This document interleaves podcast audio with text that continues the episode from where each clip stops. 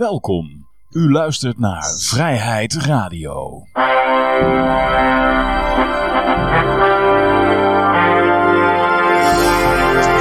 Ja, dames en heren, jongens en meisjes, dit is weer een aflevering van Vrijheid Radio. Leuk dat u luistert, we zitten hier gezellig in een vol met op dit moment eh, Peter, ehm, Jan-Mark en mijn naam is Johan. Ja, dus uh, hartstikke idee. Nou, we zijn, We zijn er hoor. er. Potverdorie, het was weer een hele Ja, bevalling. weer allemaal technische problemen, maar... eh, nou, moeten we het einde, nou moeten we het einde nog niet ja, halen. ja, ja, ja, ja, ja, Dat lukt ja, ook ja, nooit. Dat blijft eeuwig doorgaan altijd. Ja, ja, ja. Ja, we hebben ook een berg berichten. Slip aan het begin en aan het eind. Oh ja. We hebben ook, we hebben ook, we hebben ook nog 55 berichten om door te nemen. Dus Zoiets. laten we, we slaan de crypto's over deze week, eh, Johan. Dus, Nou, we hebben crypto nieuws. Maar eh ja, begin even met eh, een kleine huishoudelijke mededeling. Namelijk op, eh, in Utrecht daar wordt weer gedemonstreerd dit weekend. Op de op 4 december. Dus eh, als je dan gelijk nog Sinterklaas inkopen wil doen in Utrecht. Kun je ook nog gezellig naar de Transwijk Park gaan. Half uurtje van het station. Eh, volgens mij kun je er ook nog met een tram of een bus komen. Ehm, ja, en daar eh, gaan we dan demonstreren. Het zal wel weer eh, tussen 12 en 1 eh, verzamelen zijn. Ik, ik, ik weet het even niet uit mijn hoofd. Maar Komt er nog een livestream, Johan? ah, kijken wel, kijken wel. Maar ja, het, probleem is, als, eh, iedereen loopt daar te streamen. Hè, dus dan, eh, dat 5G, dat werkt niet zo goed. Volgens mij is het dan... Iemand vraagt eh, op Facebook wat voor stream, eh, waar, waar, waar het op Ja, komt- eh, gevonden kan worden. Wat gevonden. Ja, deze uitzending. Nou, volgens mij streamen we ook op Facebook. Oké, Vrijheid Radio. Je, kan gewoon de Vrijheid Radio livestream kun je delen overal, hè. Okido, dan Ja, ja. ga ik dat terugtypen. En anders doe je gewoon vrijdradio.com eh, slash live. Ja. Eh, goed, ja. eh, even kijken. eh, ja, dat was het zo'n beetje, geloof ik. Ja. Nou, laten we beginnen met goud, zilver, bitcoins en de staatsschuldmeter. Peter Goud. 1782. Oké. Olie 65, 67. Powell blijft aan als, Powell werd gezien als super hawkish. Powell is echt, echt een tight money man, die niet, niet voor geld druk houdt.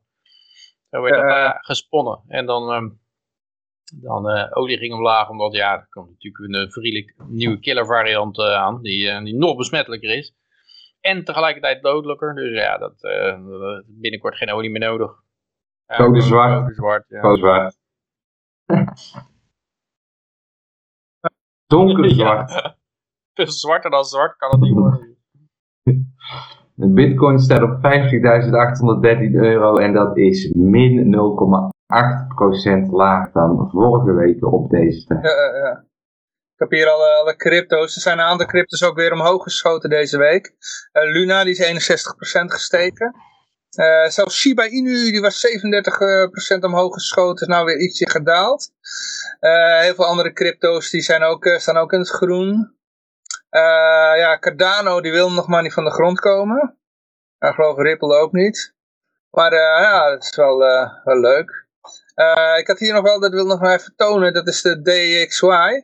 Dat is de, de dollarindex van, eh, van, hoe heet dat, van, eh, van Amerika dan. Die zie je als je, ja, ik, dit is van een jaar, ik zal maar even inzoomen. De laatste tijd is die weer omhoog aan het gaan. En even kijken hoor, als je hier even nou goud, hè? uit, hier op het jaar. Oh, ik zit bij goud te kijken. Jezus, sorry. ik denk al, het klopt niet. Dit is het DXY van de laatste periode. Eh, je ziet zeg maar elke keer als die omlaag gaat, dan zie ik bijvoorbeeld bitcoin omhoog gaan. En nu gaat hij weer, eh, gaat hij uit zijn dalletje weer omhoog. En dat, dat is eigenlijk eh, ja, niet, niet erg bullish voor, eh, voor bitcoin, maar ook niet voor de aandelen.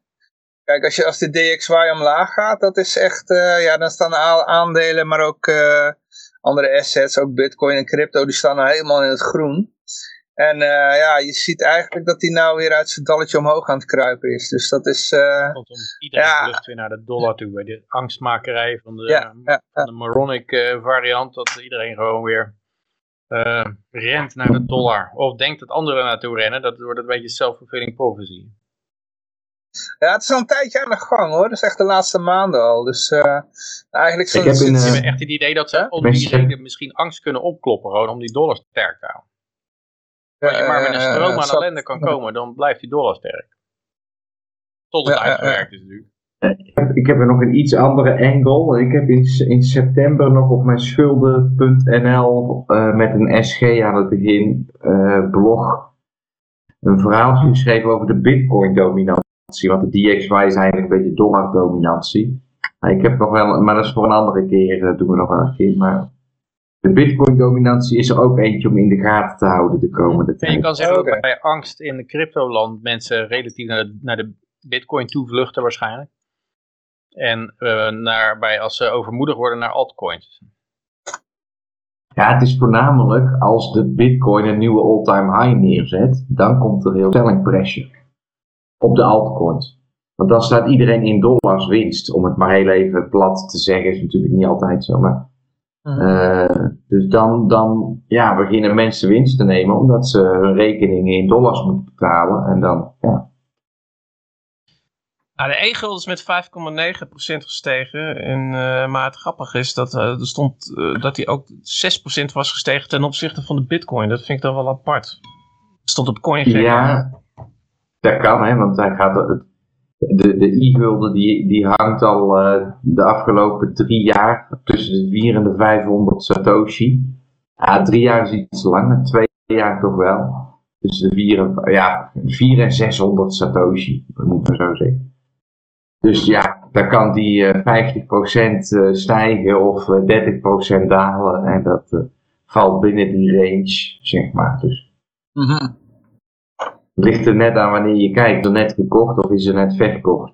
Ja, en de spread, de spread in zo'n kleine markt als een e-gulden is meer dan 10% alleen al. Dus. Maar vroeger was het ook wel zo dat uh, die altcoins werden gekocht met bitcoin. En dat is tegenwoordig zijn er ja, dat, dat mensen ook direct de, de altcoins kopen. Dat is nou, er zijn, steeds meer, er zijn steeds meer mensen die denken dat ze uh, hun tokens altcoins zijn. En, en die handelen dan op met Metamask in een of andere Ethereum token. Uh, zoals bijvoorbeeld eigenlijk ook een uh, Shiba.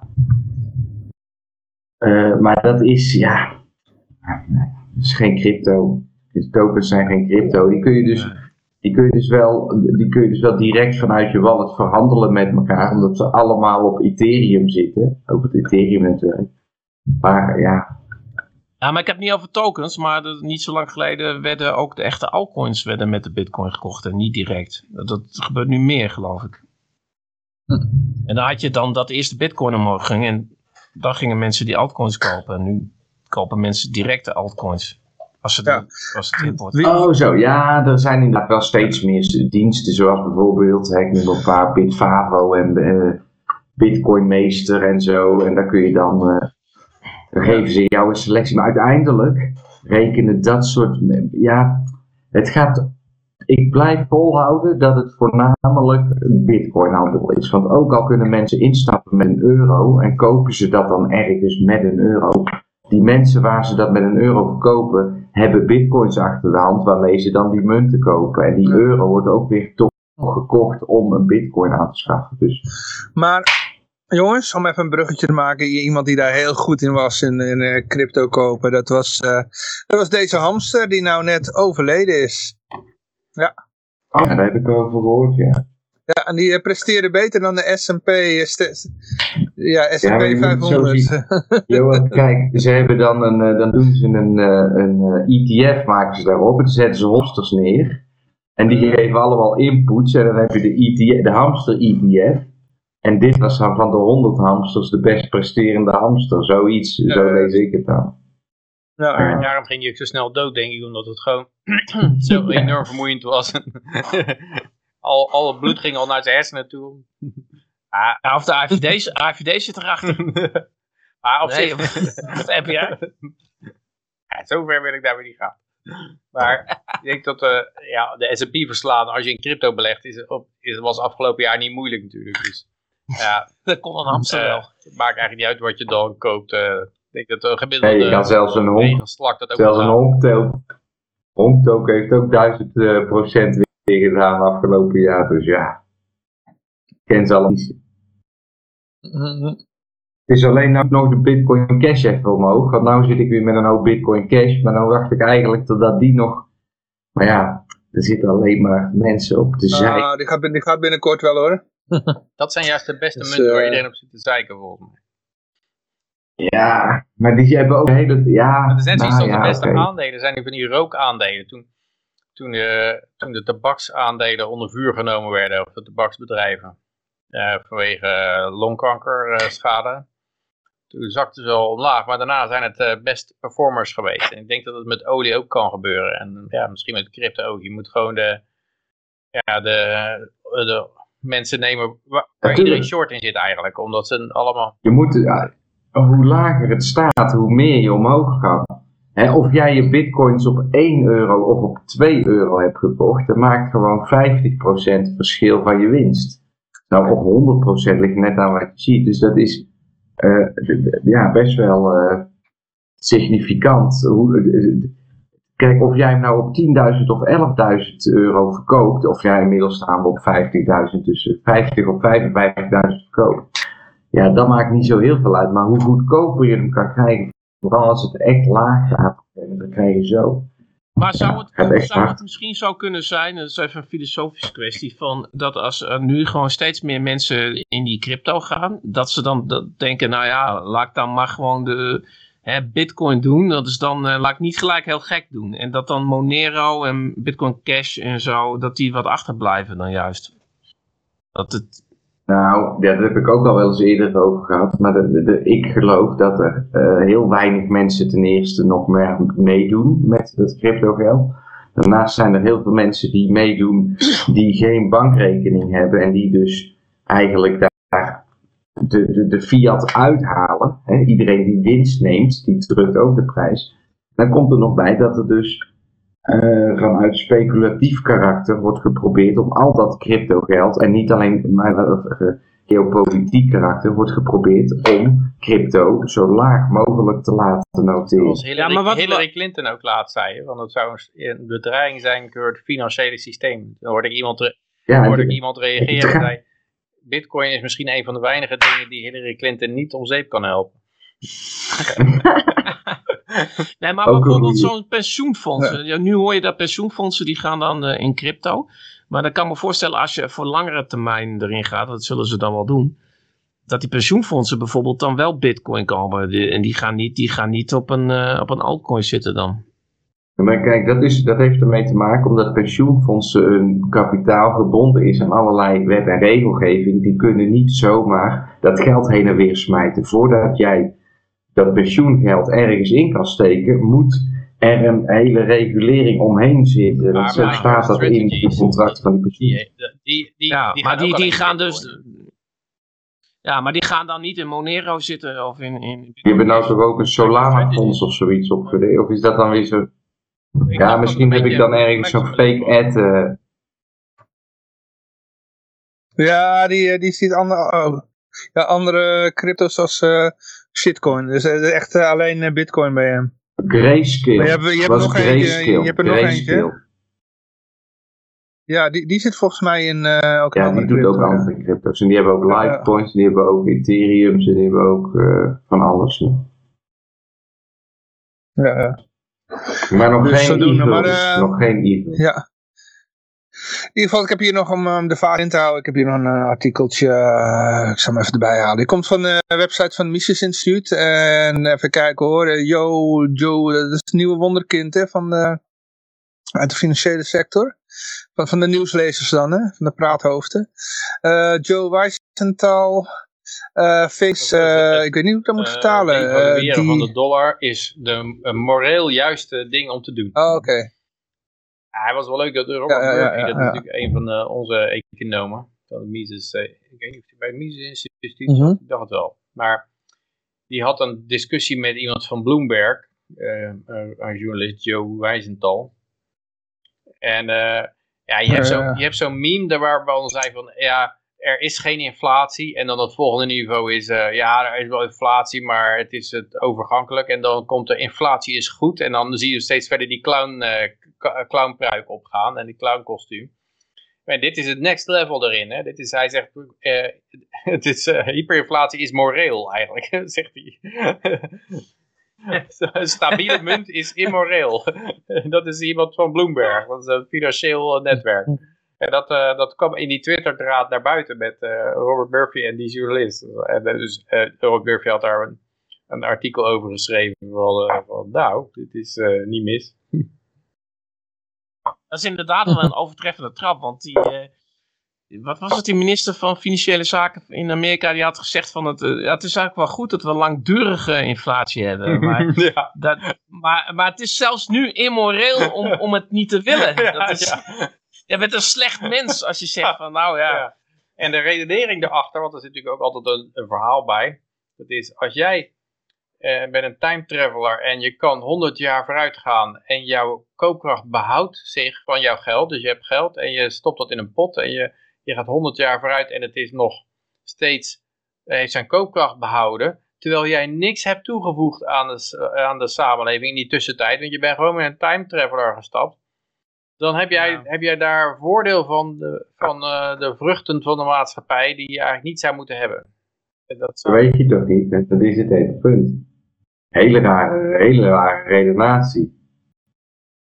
Nou ja, je zou ja. als een socialist zou je er nog iets van kunnen vinden. In de zin van, kijk, inflatie is een soort belasting betalen in wezen. En, en, en socialisten, die zijn voor belasting betalen. Anders heb je Ja. geen socialisme. ja, dat is eigenlijk... En socialisten, en socialisten vinden altijd andere mensen die, dat dan, die, die, niet, die geen socialisme willen, die vinden ze egoïstisch. En die, die vinden ze Ja, die, slecht. maar die, die moeten hun uitkering Ja, dat zijn slechte betalen. mensen. Dus in die zin, Als jij, als jij Inflatie niet onder de inflatie leidt, dan ben je eigenlijk een uitbuiter, want je betaalt geen belasting. Maar dan ga je eigenlijk nog aan iets voorbij. Dan ga je eigenlijk nog iets voorbij. Wat waren die inflatie nodig? Want er is toch gewoon 100% is 100%. Dus waarom heb je meer dan 1 dollar nodig als je maar vaak genoeg kan opbreken? 0,0000001 Nee, maar dollar. hij, hij zegt je hebt geen recht op waardebehoud door de tijd heen. Want dat, wordt door, dat waardebehoud dat is iets wat door de samenleving met veel moeite tot stand wordt gebracht. En waar je, waar je hard aan... Maar dat is toch, nee, maar dat is toch juist de enige belofte die er überhaupt gemaakt wordt waarom die centrale bank is opgericht. Ik bedoel, als we geen waardebehoud nodig hebben, waarom hebben we dan überhaupt een papieren bullshit ding nodig? Dan kunnen we net zo goed allemaal weer naar de... Ja, maar het is net zoiets als, eh, ik denk dat hij het een beetje ziet zoals een huis. Je hebt een huis en het laat je 100 jaar staan in het centrum van Amsterdam. En, en dan kom je opeens een time traveler terug naar 100 jaar en dan zeg je zo, ik ben miljonair. Want het is een grachtenpand. En dan zegt hij van ja, iedereen, Maar wacht dat even, is- iedereen heeft dat onderhouden in de tussentijd en geschilderd en eh, vernieuwd en zo. Eh, eh, hij, hij ziet dat denk ik zo, want zo, zo staat er. It would be immoral, in my opinion, to have a monetary system that allowed a time traveler from 100 years ago to maintain their purchasing power all the time without having done anything in that time other than to store money under a mattress. Dus eh, ja, hij, dat, dat, eh, dat ziet hij zo. Hij ziet er iets wat onderhouden moet worden en dat is een huis of zo. Ja, nou, dat mensen dan, hè, want, maar het is, het is een soort van belastingheffen. En ik denk dat een Renske Leijten van de SP het daar ook mee eens is. Want, want ik heb dat toen met die Panama Papers gezien. En, en, en toen, ze- toen zei je Twan Manders van ja, eh, het is afpersing, hè, belasting. En toen zei, Twan, toen zei die Renske Leijten, ja, maar ik, ik, ik heb met een, een belastinginspecteur gesproken. En zelfs een hoogleraar. En die zeggen allemaal dat het juist eh, goed is en, en, en eh, dat het... eh, dat het moet. Dus ja, wat, eh, wat heb jij dan? En eh, ja, ik bedoel, inflatie is, is gewoon een belasting op, op spaargeld eigenlijk, toch? In principe. En Zij zien het eigenlijk van alles is continu in verval. Ja. En ook waarde is in verval, een huis is in verval. eh, het zou net zoiets zijn als dat jij een peer neerlegt en na 100 jaar terugkomt en die peer is nog steeds eetbaar en niet weggerold. En dat kan alleen maar omdat er ja, iemand eh, continu een nieuwe peer heeft neergelegd of zo. En daar moet je eigenlijk voor betalen. Ja. Maar het punt is dus dat met, met juist het voorbeeld van de peer, als jij nou in plaats van 100 dollar voor 100 dollar peren koopt en die steek je in de grond en je komt dan na 100 jaar terug, dan kun je zomaar ineens eh, een heel perenbos krijgen en dan wordt het juist meer Ja, waard dat is dan eigenlijk van de samenleving geworden in de tussentijd. ja, ja, Kijk, ja, het, is natuurlijk, het, is, het is een raar idee dat iets... eh, nou ja, in, in libertarisme is er ook wel zoiets dat, eh, wat, wat heet geloof ik eh, res nullius, of in het, in het recht algemeen, dat als jij, eh, jij kan property verlaten, zeg maar. Dus als jij een, een huis hebt en dat kan, je, dat kan je laten liggen en er nooit meer naar omkijken. En op een gegeven moment wordt het weer teruggenomen door de natuur en dan kan je het weer opnieuw homesteaden. Dus dat is, daar zit natuurlijk een termijn aan vast van, uh, ja, je, moet, je kan niet voor 100.000 jaar al uh, Ja, een ja. stukje grond... uh, Nee, oké. Maar iemand anders mag op een gegeven moment ook homesteaden. Als jij daar niet aanwezig bent, ja, dan kun je dat niet zo als je even op vakantie bent of zo, dat je huis dan opeens van iemand anders wordt. Of dat je je logeerkamer niet gebruikt, dat er opeens een zwerver in Ja. ligt. Maar Een, me- een mens leeft ook geen honderdduizend jaar, dus dan, komt het, dan erf je het over aan je kinderen en die aan hun kleinkinderen. Maar dan, Ja, dan, maar is ik het nog, dan bijvoorbeeld in Kie- wordt het nog steeds in gebruik genomen. En die kunnen het ook weer verkopen. Die kleinkinderen kunnen dat, dat stuk grond weer verkopen. Ja, maar En zo blijft het toch rondgaan. Het is niet dat, dat, er een, dat er een stuk planeet nooit meer bezocht kan worden. Zo is het niet. Nee, als het, als het geërfd wordt en zo, dan blijft het natuurlijk allemaal gewoon eigendom, ook in het libertarisch systeem. Maar ik was bijvoorbeeld in Kiev bij de, bij de eh, kinderopvang van mijn eh, vriendin. Die, daar stond een huis naast. En dat was ooit toegekend aan een of andere Sovjet-piloot of zo. Eh, die was held van de Sovjet-Unie verklaard en die kreeg dat huis toegewezen. Maar die, die was weer teruggegaan naar Moskou. En die had dat huis gewoon daar laten staan. En hij had geen kinderen of ze konden de moeilijk meenemen. Ja, moeilijk meenemen. en hij had ze, hij had geen, het was niet duidelijk of hij kinderen had. Ik geloof dat hij geen kinderen had. Maar dan zochten ze nog naar een of andere neef van hem, die, van wie dat zou. Maar in de tussentijd was dat ding, het dak was ingestort en er was een keer brand in geweest door zwervers erin en zo. Dat was een enorme ruïne geworden. Ja, en dan komt natuurlijk een keer een moment dat je ook in een libertaire, libertaire maatschappij zou zeggen, ja, als er nou niemand eh, aan, eh, aanspraak op maakt binnen, eh, binnen zoveel Hmm. termijn, dan, ja, dan vervalt dat of zo. Dan kan je het weer gewoon ehm, aan, de, aan de homesteading overlaten. Ja. Nou ja, er is dus wel nog, er worden- zij moeten nog twee, twee opmerkingen wil ik maken. Eh, ten eerste, die, die, die, eh, dat geld wat je in je time travel meeneemt, dat hou je dus wel continu in je eigen bezit. Hè. Dit is wat anders dan dat je het ergens neerlegt en dat je het 100 jaar laat liggen. Hè. Want jij bent aan het time travelen, dus dat geld blijft eigenlijk niet 100 jaar liggen. Jij neemt dat zelf in die time travel mee. Ja. Wat het is iemand die reageert, Adam Singer, ik weet niet wie dat is, maar die zegt, good thread from Cullen. A suggestion I continue to have, uh, or a question I continue to have is why are, uh, why are so many people obsessed with making sure time travelers from 100 years ago who show up with just the change in their pockets are able to buy a hamburger today? ik wil eh, een tweede ding wat ik nog wou zeggen is, ik ben zo benieuwd wat, ik nou, wat er nou zou gebeuren als je die vent, als je hier bitcoin in, eh, in verwerkt. Dat je dus super deflatoir geld krijgt in plaats van dat het zijn waarde behoudt. Dat je dus... Nou, met deflatoir geld eh, eh, pluk je eigenlijk de vruchten van toegenomen productiviteit van de, van de rest van de samenleving.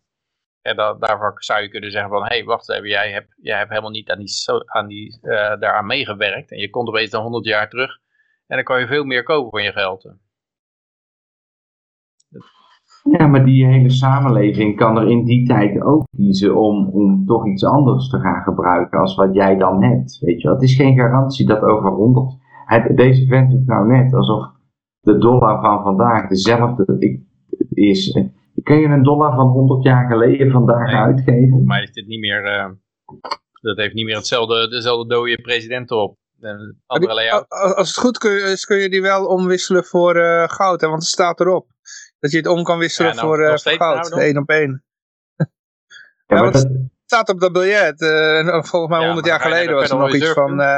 eh, was er nog één op één. Ja, maar in de eh, tussentijd hebben wij het in ja, genomen de- in 1933. het is toch hetzelfde als ja, met maar de dat is toch gulden. ook weer eh, vrijgegeven. Heel eventjes, in, op 1 januari 2022 is het toch ook zo dat vanaf dat moment de, de, de oude guldens niet meer ingeleverd kunnen worden voor euro's of zoiets. Daar zit toch ook een Oh, ja, ja, tijd. ja. stem- Zo is het toch ook met die oude dollarbiljetten, zeg maar. Dus is helemaal geen garantie dat je überhaupt één Wat als dit nou 100 jaar lang op een rekening heeft laten staan in Zwitserland of zo? Ja, ik denk eh. dat, op een ik denk dat het heel moeilijk is om over een periode van 100 jaar waarde te bewaren. Die bank, eh, die, kan, die bank kan ook failliet gaan waar die Ja. rekening op staat. Welke dus- ja, bank ja. van 100 jaar is er nou nog over? Welk huis van 100 jaar geleden staat er nou Ze nog? konden hem niet vinden, want hij was, eh, ze konden hem Ja. niet vinden, want hij was aan tijdreizen. Maar Ja, goed, jongens. Moet Ik, sneller eh, gaan met 5 eh, ja, Goedemorgen. ja. Je vorige. Inderdaad, Ja, dan kunnen we want, straks je zeggen tegen achter elkaar mij, doorgaan. Ah, Dus eh, Jack. Jack eh, is niet meer de CEO van Twitter. Hij is opgestapt. Ja, die Gile- Nou ja, je dat kwam door die CEO Ghislaine. Maxwell, hè. En daar ga ik eventjes... eh dat kwam door Ghislaine Maxwell, Ja. toch, Johan? Nee. Zeggen de complotwappies daar, Huh? hè? Oh, Oké, nee, door, die tweet die hij gedaan heeft. Daar is hier boven mij een meme die ik ooit gemaakt he- heb. Die als NFT te koop is trouwens. Eh, niemand heeft die- voor, voor één bitcoin cash kan je hem kopen. Tweet over Rothbard. Reed Maar, eh, Rothbard of zo, zei. Ja, ja, ja, ja die tweet. Inderdaad. Dus ik had het, ik had al een hele tijd geleden had ik een meme erover gemaakt. Maar eh, dit, dit is het nieuwe. Dat is een andere woke gast.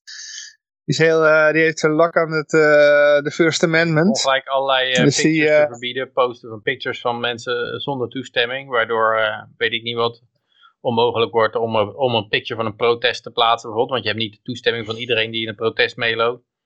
En eh, ja, het is, eh, ik, heb Ja. het, ik had altijd het idee dat, dat eh, Dorsey altijd een beetje li- libertarisch, meer libertarisch was dan hij kon zijn binnen dat bedrijf. Zonder dat het personeel in opstand dit soort dingen. Want hij gaat zich nou ook richten, geloof ik, op decentrale apps voor, voor eh, eh, chatten. En dat is natuurlijk typisch iets wat minder goed gecensureerd kan worden dan, dan zo'n centrale app waar, de, waar je hele woke HR-afdeling er vandoor opstapt als jij eh, niet iedereen er vanaf eh censuurt. Ah, we hadden het net over die, eh, die dode hamster, hè, die zo goed kon voorspellen. Maar ik Ja. zit nou, naar, ik zit nou Eh. naar die foto te kijken van die Park eh, Gravel. Maar ik denk dat ik die hamster gevonden Oh, heb. ja. Die zit gewoon op zijn hoofd. Ja, Die. Ik hoorde ook iemand zeggen trouwens dat, eh, dat wat hij doet, en dat, is ook, dat zou dan heel woke zijn, hij is een witte man met eh, een eh, belangrijke positie. En hij geeft die op voor een bruine man. Eigenlijk moet er dan een bruine trans zijn, natuurlijk, maar ja, In een rolstoel. hebben. Maar hiermee geeft hij het voorbeeld voor andere CEO's, dat alle witte mannen die moeten eh, het veld ruimen en, en het eh, veld overlaten aan, eh, aan gekleurde mensen. Want dan wordt het een betere samenleving. Welkom. Oeh, verkeerde knop. Ehm, ja, maar goed, ja, het is... eh, nou ja, in ieder geval Twitter zal er niet vrijer op worden. Dus, Maar, dus, dus weer Trump goed, komt niet terug op Twitter met hem. Ik denk het niet. Ja, ik denk het Trump niet. heeft Ja, maar die, die heeft toch zijn eigen... Ja, nog niet, maar wat, hoe heet het ook alweer? Oh, je- ja, je had nog een theorie trouwens, eh Yoshi, over, over waarom... eh, Nee, ja, hij zou in die, eh, hij zou in die verklaring, hij zou in die verklaring voor gaan komen. Dus hij wilde zichzelf van dat Twitterbedrijf af schermen voordat, eh, voordat het allemaal wel openbaar zou worden. Weet je wel, dat, eh, dat, dat soort verhalen. Is die, ik, ik heb niet gehoord dat hij genoemd werd op eh, Epstein Island. eh. Nou, toen dat bekend werd dat hij werd afgetreden, had ik daar een verhaal over gelezen. Of in ieder geval kwam dat er niet, niet een een heel verhaal over. ja, maar joh, heel veel van die, van die, van die, van die QAnon shit, bijna alles is bullshit daar, joh. Dat, eh, ja. Ja, ja. eh. ja, ja, ja. Ja, we zullen het Ja, ik weet nog dat hij bij die Timothy Of je Pool juist niet, toen moest hij, eh, werd hij onder vuur Ja. genomen voor censuur. En toen had hij zo'n eh, Mhm. zo'n dame meegenomen. En eigenlijk moest die dame, die, die, je merkte gewoon dat hij, hij wist eigenlijk niet eens goed wat er allemaal weggecensureerd wordt. Of hij meende, hij speelde de, de vermoorde onschuld. Maar die dame, die had allemaal, ja, die moest er echt af en die moest, dat kon echt niet. En eh, die probeerde dan die regels duidelijk te houden, terwijl die regels die totaal inconsistent worden toegepast. En, en die eh, Timothy Pool probeerde dat een beetje boven water te, te vissen. En eh, ja, daar kreeg ik ook een beetje de indruk van dat hij daar niet helemaal achter stond. eh. Het was natuurlijk in het begin ook was het idee Mhm. van ja, Twitter was voor iedereen. En eh, eh, pas later is het helemaal ja, geïnfiltreerd en voor censuur geworden. Want eh, volgens mij was Trump ook al veel eerder van andere platformen afgegooid. Eh, Ja, dat zou wel kunnen. Volgens mij was Facebook een van de eerste die dat deed. Ja, ik weet het trouwens niet, want hij was natuurlijk wel veel meer op Twitter bezig. Ik Ja. weet het even niet. Ik weet het. Ja, en het- verschil tussen Jack en bijvoorbeeld Zuck is eh, dat uh, Zuck is, eh, ja, die komt echt uit een familie die wat eh, die invloed heeft, weet je wel. En en, en Jack is gewoon iemand van een, ehm, gewoon iemand eigenlijk, van de straat eh, zou, ik- zou je bijna zeggen, die eh, eigenlijk zichzelf, omdat ja, die had een leuke app ontwikkeld ooit en is daarmee ook in het wereldje gekomen. Maar hij komt er niet vandaan, hij, komt, hij heeft geen elitaire achtergrond of zo, elitaire achtergrond. Ja, het is natuurlijk wel zo dat Dus, hij eh, hangt daar in dat Californië rond en dan kan het, dan is het onvermijdelijk dat jij dat soort dingen oppikt. Het is ook, eh, bijna iedereen die daar werkt en er rondhangt, die, die draagt een mondkapje en die neemt al zijn jabs en zijn booster Die, die en- snuiven allemaal elkaars windjes. Ah, hij, is wel, hij is wel eh, rood van eh, mensen, hè? Ja, ja, ja. ja. Ja, maar dat waar je het idee geeft, krijgt van, eh, ja, dat, eh, en het kwam er ook zo'n beetje schuchter uit van, eh, alleen maar Reed Rothbard of zo. Het was niet van, eh hey, eh, ja, de- verder voor de rest niks alleen maar. Alleen Ja. maar een link. Een link naar, eh naar Rothbard eigenlijk. Die had gepost. Zonder tekst erbij. Is net als met dat boek wat ik elke keer laat zien. Daar kom je niet zo over uit dat je dat hebt. Nee, het is iets van, ik Eh, heb door dat ik dat, dat, eh, dat iets is gepost. om weer voor te schamen in Californië. Eh,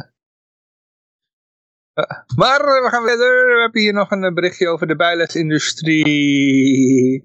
Die dreigt eh, publiek onderwijs eh, uit te hollen, vindt iemand. Ja, het is natuurlijk Ja. dat het Ja, onderwijs dat vind niet werkt. En dan gaan allerlei mensen gaan naar alternatieven zoeken. In die private sfeer. En eh, ja, dan weet je natuurlijk dat er de bekende personen die komen hier gelijk in tegenverweer. Want D66 die eh, vindt dat natuurlijk een ramp. Oh ja, het is het andere bericht. Ik krijg dagelijks krijg ik gewoon appjes van vrienden van mij. Hè, en dan eh, vertellen ze mij gewoon waar, waar, wat, waar die kinderen met thuiskomen. Met wat voor eh, informatie. En dan, eh, dan, dan horen ze weer van... eh, ja, eh, ongevaccineerden zijn ASO's. En die, eh, die helpen de hele wereld naar de vernieling. Nou, en dat krijg, dat krijg Ja. je dan te horen thuis. Dat, dat, ja, dat heeft de lerares Nederlands verteld. Ja, ja en de- de- deze persoon ook die zegt... ja, er wordt steeds meer eh, ehm, ja, privaat onderwijs en bijles aangeboden en zo. En dan zegt de schrijver, bij mij roept dit soort berichten altijd ergernis op. In de eerste plaats over de rolvermenging. Mag de school het adressenbestand van de ouders en de eigen gebouw gebruiken om te faciliteren en commerciële activiteiten? Dus eh, eh, ja, dat, dat vindt hij dan wel het probleem. Maar Ja. meer principieel zou onderwijs in Nederland niet voor iedereen gelijk toegankelijk moeten zijn. Leidt het aanbieden van dit soort schaduwonderwijs niet tot kansenongelijkheid? Mijn waarneming past in Oh, een bredere trend. Het aantal private bedrijven dat onderwijs aanbiedt neemt sterk toe. Van 5000 bedrijven in 2007 tot 14.000 in 2020. Eh, ja, je ziet dat in, de, in China was het gewoon een enorm industrie geworden. Eh, dat komt omdat ouders gewoon, ja, zogenaamd moeten ze altijd gedwongen worden om hun kinderen van onderwijs te voorzien. Maar in de praktijk slaat het natuurlijk helemaal nergens op. Eh, ouders willen heel graag dat hun kind goed onderwezen worden. En wat je, ja, in Amerika is het denk ik het ergst. Die publieke scholen zijn zo slecht geworden dat, de- dat ze eigenlijk geen onderwijs meer bieden. En dan gaan mensen alternatieven zoeken. En dan wordt zo iemand geërgerd. Want die zegt dan van ja, eigenlijk moeten we allemaal even slecht onderwijs krijgen. Ja, maar is die kansenongelijkheid, wil ze daar eigenlijk mee zeggen dat, eh, dat het normale onderwijs, zeg maar, eh, het, eh, Slecht dat is. slecht is? Want dat is wat ze zegt. Ja. Want eigenlijk, stiekem zegt ze dat gewoon. En dan krijgen mensen bijles, en Ja, dan krijgen ze dan wel echt iets En daar worden ze beter van. Ja, dan hebben ze echte Ja. leraren die echte dingen zeggen. Ja, daar En, krijgen en, ze en dan, kansen dan, door. dan, dan- ja, en dan krijg je kansongelijkheid. Want, want, want die, eh, Oh. die andere kans. kinderen die zitten alleen maar naar indoctrinatie. Die leren alleen maar dat CO2 Ja. een gif is. En, eh, ja. en, dat, en dat banken hun geld krijgen door spaarders. Ja, dus, dus, dus je krijgt kansongelijkheid. Je, je, ja. dus dat is wat die ze zegt. niet snappen hoe de wereld in elkaar zit. Ja. Eh, Maar hier zie ik ook dat een eh, D66 eh, Miep, die maakt zich de druk over. Ja, wat, wat hier ook nog Op één vandaag. de, eh, de uitgaven aan privaat onderwijs toegenomen met Hm. 100, van 142 miljoen in 2010 tot 320 miljoen in 2019. En dat is natuurlijk alleen nog maar wat zichtbaar is. Hè? Want eh, Mhm. hoeveel eh, bijles wordt er niet gegeven met, eh, met contant geld betaald gewoon. Ja. En eh, ja, denk je dat die lui het allemaal op gaan geven voor de belastingen? En natuurlijk weet ik dat dat hoort en dat ze dat ook vast wel doen. Maar eh, ik verwacht dat er wel eens wat vergeten wordt. Ja, wat ook wel storend is, vind ik, is dat jij betaalt sowieso dat onderwijs door de belasting. Dus je betaalt voor een ander, betaal je dat onderwijs, dat vreselijke onderwijs. En dan, maar alles wat je privaat, eh, privé doet, dat, dan moet je extra bovenop die belasting betalen. En dat zijn het waarschijnlijk iets meer vermogende mensen, maar die betalen waarschijnlijk dan ook meer belasting nog aan dat, dat slechte schoolsysteem wat we hebben. Maar dus de kinderen betalen toch schoolgeld? Nee. Dus kinderen Ja, betalen toch ook voor- schoolgeld, voor de niet? lagere Elk jaar? Betaal ik geen extra schoolgeld. Dat, eh, Nee, oh ja, ik weet dat niet, maar ik heb geen kinderen. Ik Nee, weet ik wist misschien dat- Joost ja. niveau, maar... ik wist dat ook niet, totdat ik, eh, ja, ik, mij, ik verbaas mij daar ook een beetje over. Ik denk van ja, dat, eh, ze kunnen natuurlijk en belasten en dan ook nog schoolgeld eh, vragen. Maar misschien Ja, maar op zich klopt wel. jouw naam ook wel. Jouw naam klopt wel, Joosje Lieve, want het is toch Your Children Live. Your Children Live. Ja, precies. My Children, want dan... dan Nee, daar heb ik ook al wel eens over nagedacht. ik hoop... ik- Misschien dat ik het op een dag nog een keer mijn, na- mijn, mijn naam kan veranderen dan. Hè? Eh, nou, in ieder geval wat ik nog wilde vragen van die, die D66-miep. eh wil ze nog actie ondernemen? Dat, is- dat is eh, dan uiteindelijk mijn vraag dan. Ja, het zijn haatmensen, hè, die van de Staat het er niet D66. bij? Ze zijn eng, Ja. collectivistisch en, en, en totalitair. Nou, allemaal, joh. Het maakt niet eens uit welke partij het niet, is. maar- dus, dat is eh, toch wel, toch ja. wel een overtreffende grap in eng, ge- eh, trap in engheid, ja. Ja. Een experiment met kinderen Ja, doet D66 dat, hè. dat. Dat is ook zo triest, hè. Ja, dus dus zij, zij zeggen dat je aan het experimenteren bent met kinderen als je als ouder zelf een school opzet. maar. Ja. Zogenaamde de staatsvrije scholen. Ik heb hier nog even- tegen, zo blijkt uit de cijfers van even. Dus staatsvrije school klinkt heel goed. Ik wil wel eens weten of die hier in de buurt ook zijn. hè. Ja, dat is nog beter, want ik, hier Ja, verderop wordt er gesproken over schaduwonderwijs. Ja, dat staat ook. De, onderwijsra de onderwijsraad heeft aangekondigd nog dit jaar met een advies te komen over privaat aanbod in het primair voortgezet en middelbaar beroepsonderwijs. CPB is van plan onderzoek te doen naar schaduwonderwijs. Ja. Dus dan wordt het al lekker zo duister. Ze krijgen geen cent subsidie, Ja. maar dat geeft ze de vrijheid zich minder aan de wettelijke regels te houden en het onderwijs zelf in te richten. Ja, het klinkt je als muziek in de oren. En, Ja. eh, en voor hun moet dat dan, klein, als ze dat lezen, oh Ja, mijn god, ja. nee, ze kunnen het zelf het onderwijs inrichten. En Maar je zag dat in Amerika ook al, dat die ouders die kregen door in het coronajaar dat hun kinderen gewoon vreselijke racistische critical race theorie te horen kregen. En die begonnen te demonstreren tegen die schoolboards en zo. En die schoolboards, die merkten die ouders gewoon als, als domestic terrorists aan. En er waren inderdaad politici die zeiden van ja, de ouders moeten daar helemaal niks over te zeggen hebben over de, over de onderwijs van hun kinderen. Dat eh, vonden ze eigenlijk te belachelijk voor woorden, dat je dat als ouder zomaar ook maar kon denken dat jij wat te zeggen moest hebben over het onderwijs van je kinderen. Maar het is wel een beetje aan het veranderen, want ik zag laatst een filmpje en daar sprong er dus, daar zei eh, ik, ah, daar heb ik, ik, ik kan nou niet de goede quote geven. Er was een filmpje en daar eh, zat dus zo'n schoolraad eh, met een ouder-inspraakavond. En dat op een gegeven moment die schoolraad, eentje van die school, die zegt, joh, flikker jij lekker op. En dat heel die ouder community die er tegenin ging. ja. Dat ze toch, mensen worden mondiger, weet je wel. En ja, het- ze, mijn ouders zouden, die zouden echt niet zo van zich afbijten, zeg maar. Maar ik zou het op een gegeven moment al wel doen. Ja, ik, zou- ik, dat- vraag- ik weet nog niet zeker of het mensen daar mondiger worden of, gemakkelijker of, of eh, ja, juist eh schaperachtiger. Want eh, ja, ik, ik merk ook niet veel Nou, protest van, van jongeren of zo, of tegenkrachten. Of, in Amerika heb je wel van die communities waar het iets, iets eh, radicaler is, zeg maar. En, en hier heb je toch meestal nog het poldermodel dat mensen zeggen, nou ja, het is allemaal wel. En Ja. als we dan een beetje water. het punt is natuurlijk dat eigenlijk met die corona loop je nou ja, het risico dat, het is voor een groot gedeelte is het al gebeurd, dat het hele onderwijs eigenlijk helemaal komt te vervallen. Dat het eigenlijk nergens meer op slaat. Of als jij één snottebel aan je neus hebt hangen, dat, dat je gelijk een week niet meer naar school mag eh, komen. Het is meer psychologische conditionering Ja, dus dan het- dat je echt wat Dus opsteekt. het staatsonderwijs werkt straks helemaal niet meer. En dat is het hele rare. Dat, dat, dat het, ja, of tenminste, dat heb ik, verwacht ik al een hele tijd. Dat alle staatsinstituten gaan gewoon steeds minder, werk, meer, minder werken. Eigenlijk is het al dat de ziekenhuizen niet meer werken. Want eh, die hele ziekenhuizen zijn nou leeg, omdat, eh, omdat ze alle gezondheidszorg hebben opgeschort vanwege de enorme lijkenvrieskisten die er buiten staan voor de corona-IC-toestand. En Ik moest ook zo lachen deze week met die Omicron en dat, het- het- al die bullshit informatie die ze er dan bij geven. Dat, Ja, goed, oké. maar het gedetailleerde dit maakt het geloofwaardiger. Maar Ja. het is dus zo dat, dat ja, die ziekenhuizen die werken niet meer, die scholen die werken niet meer. Dus moet men wel gaan alternatieven op gaan zoeken. Het is, je kan wel zeggen, ja, ik, ik vind dat dat niet mag, want het geeft kansenongelijkheid. Maar jouw kind gaat straks naar, naar een school toe waar ze niet eens meer naar binnen mogen bijvoorbeeld. Om, omdat er een jaar lang eh, corona dicht is. Of, of dat er geen leraren meer zijn. eh, of, eh, het is...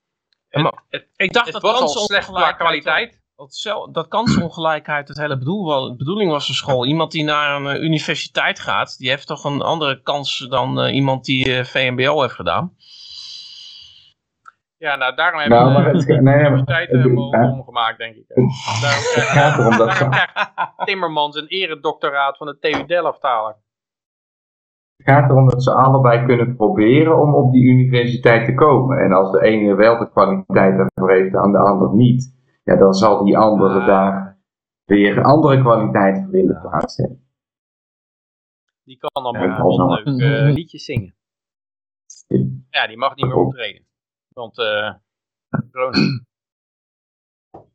Ja. Nee, maar je kunt ook, Maar je je kan, kan ook vanaf eh, Twitch, uit je kan- Twitch eh, je optredens doen. Ja, Of je start gewoon een kolencentrale en dan krijg je allemaal subsidie om eh, niet te stoken. je, krijgt, Dat is het volgende berichtje. je krijgt geld om Ja, geen elektriciteit te maken. Ja. Ja. Ah, nog één dat ding. is ook een, Makkelijk. Dat is op een gegeven moment, dit ook, wordt ook een beetje eh, eh, basisinkomen idee op deze manier. Hè. Het is, begint iedereen gewoon zijn eigen kolencentrale en dan, eh, Laat je sluiten tegen subsidie. ja, in de achtertuin. Hup, 200 miljoen. Hey, de eigenaar, de kolencentrale Onyx Power in Rotterdam gaat dicht. De eigenaar kan maximaal 212,5 miljoen euro subsidie van het demissionaire kabinet tegemoet zien om de activiteiten te staken. Wel interessant als ze dat erbij zetten, van het demissionaire kabinet. Van, ja, maak je absoluut geen zorgen, het demissionaire kabinet, strooit ook gewoon met 212 miljoen eh, rond. eh, dat is, eh, hou ze absoluut niet op. voor een, complotwappiekrant dat ze dat demissionaire benoemen? Want Ja, ze hebben meer het macht dan toen toe. ze nog aan de macht waren. Want toen konden ze nog weggestuurd worden en dat kan niet meer. Ja. Maar het kabinet trekt de portemonnee. Dus het kabinet heeft natuurlijk een eigen portemonnee bij nu.nl die ze kunnen trekken. Dat kost jou dan niks, want zij trekken de portemonnee. Eh, met de subsidie kan centrale helemaal dicht op vrijwillige basis. dat vond ik een mooie zin. Je zet een pistool op het hoofd van mensen om zijn geld 220 212 miljoen afhandig te maken. En dan geef je het aan de kolencentrale die dan vrijwillig kan sluiten. Maar deze zin vond ik ook mooi aan het eind. Greenpeace is opgetogen over de voorgenomen sluiting van de centrale. Volgens de organisatie staat deze in de top 10 meest vervuilde centrales in Nederland. En er zijn maar vier kolencentrales in Nederland. Ja, precies. En dan staat daaronder het geweldige nieuws dat deze kolencentrale dichtgaat. Want deze centrale is een van de wortels van ons klimaatprobleem. Worden, ze noemen het global warming, omdat het het globale hoeveelheid CO2 is. Ja. En dan, dan heb je in China wordt er per dag een kolencentrale geopend.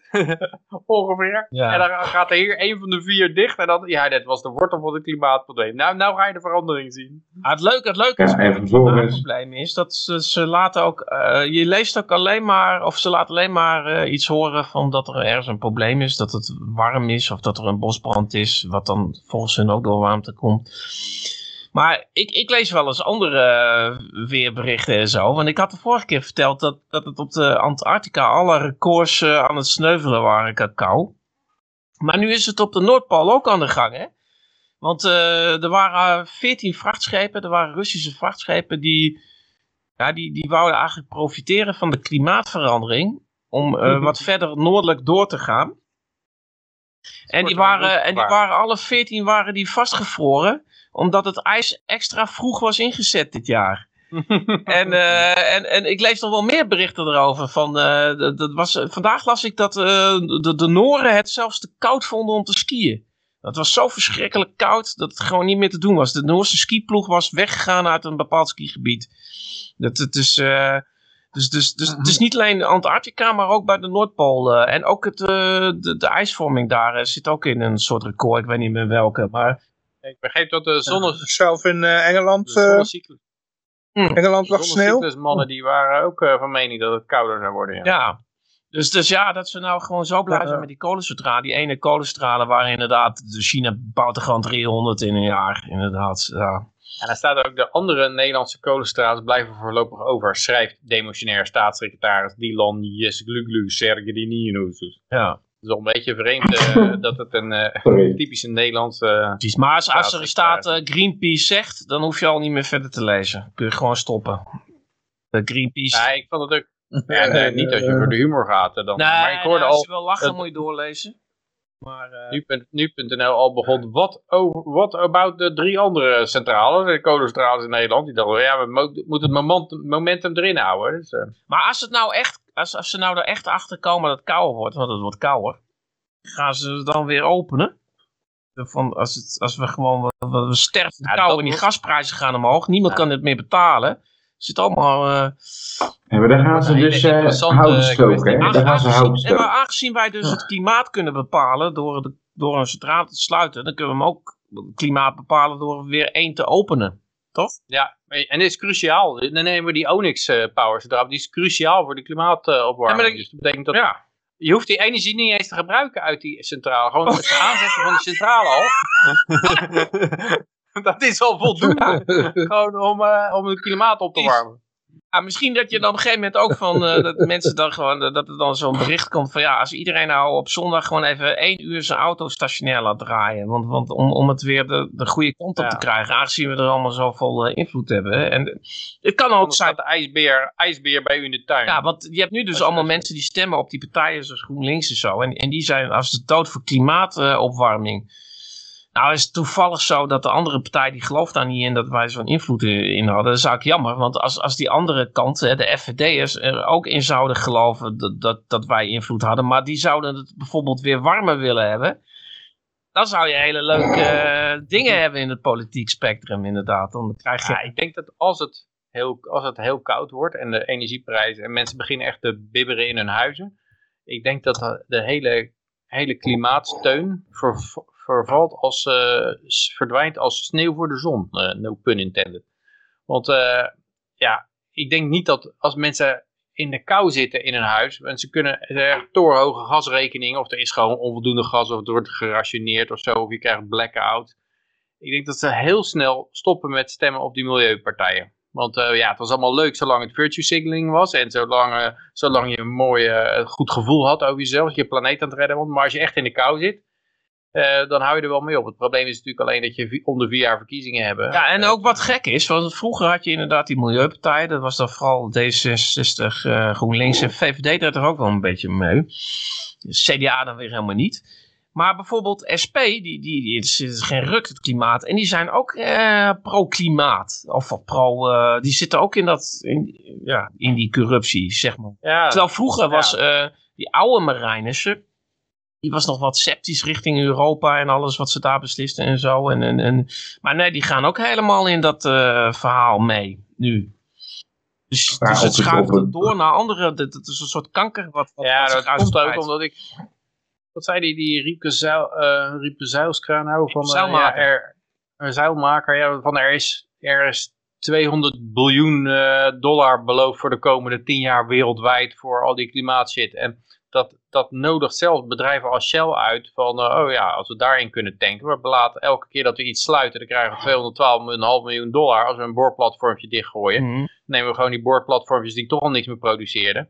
Hartstikke idee. Vang je meer aan Ja. dan, eh, dan gewoon benzine verkopen. Dus ook die bedrijven die zijn, eh, je denkt, ja, veel gewone mensen denken van, oh, die oliebedrijven die zijn tegen die hele global warming shit, die, omdat het hun zaak gaat. Maar nee, die zien dat geld ook wel hangen. Het punt is alleen dat dat geld niks meer waard is als je, dus, als je het zo rond gaat strooien. Plus dat Ja, je maar inderdaad ja. straks geen benzine Nee, meer hebt maar als geld niet, auto te als geld niet, niks meer waard wordt, dan is het nog steeds, of minder waard, dan is het nog steeds interessant om, om, eh, om die subsidies te pakken. Want dan heb jij er minder last van dat het geld minder waard wordt. Voor, Nou, op een gegeven moment kan je, heel, je- kan je heel, heel veel geld verdienen aan het echt verkopen van benzine weer. Omdat Ja, ja. de benzineprijzen waarschijnlijk harder omhoog gaan dan, dan dit bedrag aan waardebehoud Ja. eh, Tot op het moment dat mensen het echt niet meer kunnen betalen, die benzine. Maar ja, wanneer komt dat natuurlijk? Maar Eh, Maar eh, jongens, eh, we hadden nog een klein berichtje in de chat, daar wil ik nog even aandacht aan besteden. Even kijken hoor, die vriend van jou denk ik, die, die reageren MTU nog op... Ik ben blij dat ik geen MTU's kinderen heb. nemen, Je weet, is- je weet nooit waar ze mee Ja, ja. thuiskomen. Ziektes, rare ideeën. Inderdaad. Dus, eh Ja, ja. zorgen. dus, eh, Forrest of Joris, hoe heet hij ook alweer? Ga, gaat hij hem gewoon even doxen met zijn naam. Typische AIVD-actie. Nee, hij gaf eerder aan in de chat dat hij... eh, Rogier is een vriend van mij. Is een vriend maar, van... eh, oh. Rogier, ja, die, ja, ja, ja, ja, ja, ja. Dat is eh, die eh, username, zeg maar. Maar eh, even kijken hoor, Eh, we hadden een nieuw berichtje. Kijk, dat is misschien iets voor mij. ja.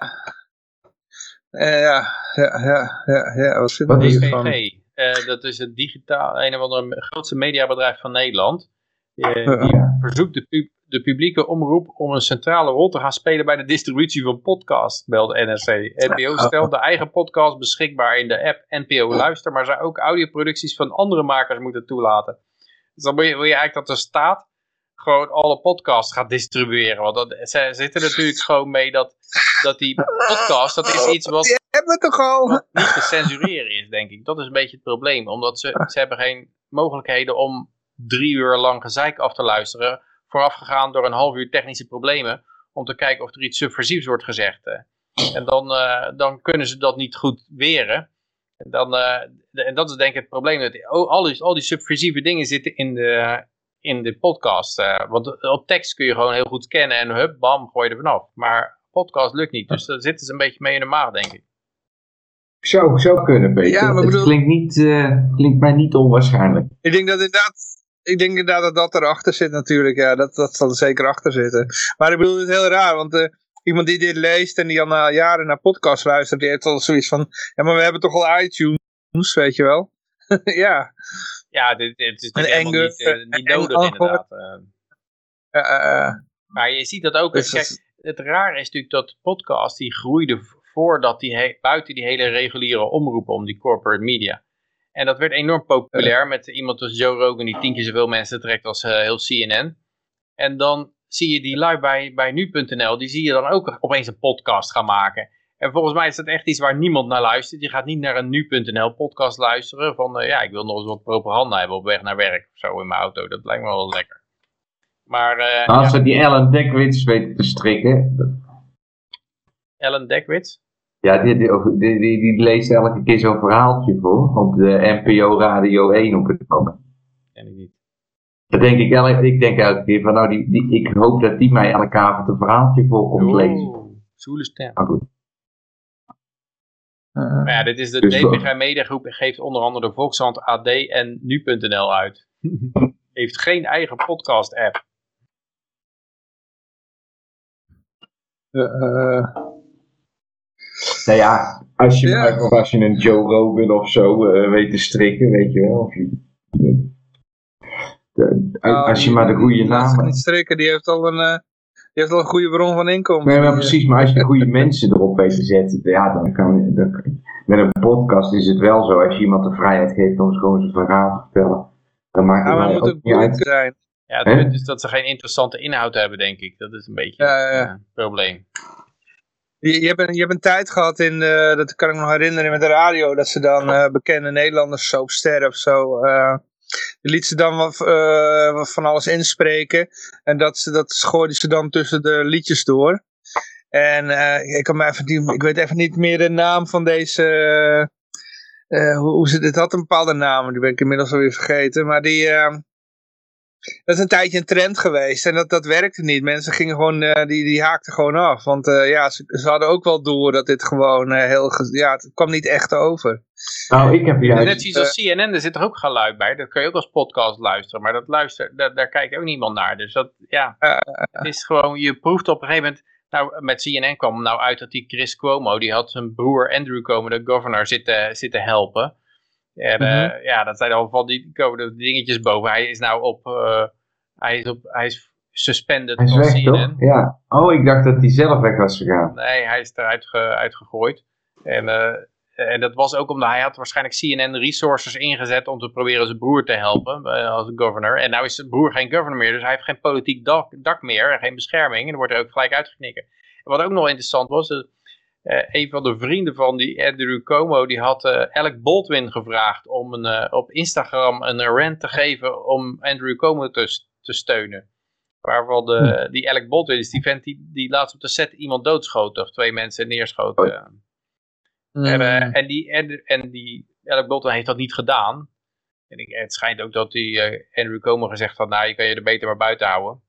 Maar het zou wel interessant zijn als, dat, als ze dat inderdaad gezegd hebben van, de, hey Alec Baldwin, ga jij ons even Andrew Comer verdedigen. En dat die Alec Baldwin zegt, ja je bekijkt het maar mooi, dat ga ik echt, echt, echt niet doen, die Chloe verdedigen. En dat hij dan opeens een live pistool op zijn set vindt en enorm in de problemen zit en je weet het niet hoe dat soort dingen gaat. Het zou me niet verbazen, dit soort Maar Uh, toch denk ik wel dat uh, uh, podcasts een, een, een, markt blijven. Zo. Want ik, ik, ik, ik vind dat ook altijd leuk om s'nachts, zeg maar, um, als ik op bed lig, dan zet ik een of andere, bijvoorbeeld de, Nieuwe Wereld of al die andere, gewoon een gesprek tussen twee mensen. En dan, maakt mij, hoef ik echt niet dat filmpje bij te zien. Nee. Weet je wel? Dus ik denk wel dat er, ja, Nee, maar het punt is een beetje, ik hoor dat wel van mensen die alleen naar Nederlandse dingen luisteren. Bijvoorbeeld, uh, ja, die zitten in een beetje in de businesswereld en die luisteren dan naar BNR of zo. En op een gegeven moment, als ze dan de ogen open gaan, dan kunnen ze er gewoon niet meer naar luisteren. Dan zie je dat er een beetje droogte is van, ja, waar moet ik nou naar luisteren? Ik dacht, BNR is nog een beetje een soort zakelijk uh, uh, iets voor de, waar de ondernemer nog een warm hart wordt toegedragen. En de, dat blijkt dus helemaal niet zo te zijn. Maar dan wordt het wanhopig zoeken. Dan, nou, dan ga ik maar naar geen stijl toe of zo. En, en geen stijl, dat is natuurlijk ook gewoon, dat zit gewoon in, binnen het systeem. Uh, het, is, voor mensen die er, om te zorgen dat mensen net niet eraf vallen. En ik denk dat dat, uh, ja, dat, dat die moeten gewoon naar de hele, naar de wappies toe gaan. Omdat eigenlijk de wappies, dat zijn mensen die echt de originele, in, in het informele circuit van de totale niet-professionele mensen, daar kan je beste informatie vinden. Dat is, en het is wel vaak met een hele hoop uh, geklooid doorheen. Bijvoorbeeld een half uur technische problemen aan het begin, maar er zitten wel juweeltjes tussen af en toe. Soms, hè, soms. Ja, niet elke je moet een hele hoop materiaal afgrazen voordat je een juweeltje vindt. Ik vind vooral al die Hitler-verwijzingen elke keer en die speeches ja. die wij er die vind ik altijd, daar moeten we een keer een uh, compilatie van maken. Ja. Je niet in slaap dan uh, hartstikke idee. De Godwin Ja, ik heb nog geen gemaakt. Oh ja, ja, ja, ja shit, ja. Het loopt, niks loopt goed. Ik heb ook geen, uh, geen jingle meer. Dus, Voordat die valt, gaan we gauw door naar het volgende artikel. Ja. Ja.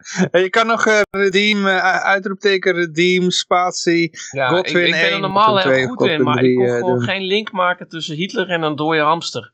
Ja. ah, ja. Misschien tegen het eind van de uitzending heb ik Ja, hij, hij, valt heus wel een keer. Even één ding, maar, ben ik niet ontzettend wel harder geworden nu op dit moment? Uh, oh, okay. Nou, niet dat ik weet, joh, maar... ja. ja. Maar uh, even kijken hoor, uh, Australië willen ze de, um, even kijken hoor, uh, willen ze harder op gaan treden tegen trollen ja, op sociale media. Ik, ik weet niet of het berichtje hier nou ook nog gaan behandelen, maar dat was ook deze week, oh ja, dat is, ze komt hierna met Abu Talib, die de, daar komt hij ja, ja, ja, ja, ja. Dus dit bericht heb ik... aangekondigd dit, hè? Ja, ja, ik heb dit niet gelezen, ik weet er verder niks over. Dus, de premier die wil, die wil het onmogelijk maken dat de identiteit van trollen on, uh, onbekend blijft. Ja. Dus, dat is eigenlijk, we gaan lijstjes maken. We gaan lijstjes maken van trollen. En we hebben een kamp. Hebben. We hebben al kampen. hebben we al klaarstaan. en we gaan lijstjes maken. We kampen en we zijn lijstjes maken. Dus hou je bek maar.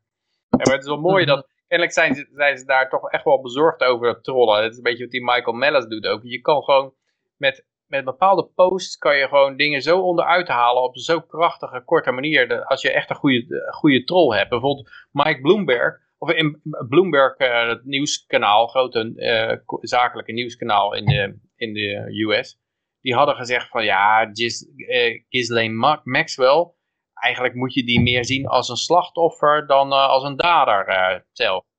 Mm. En, En iemand postte er gelijk zo onder boom een foto van Mike Bloomberg met Ghislaine Maxwell op een vijf, uh, zo'n zo selfie, weet je wel.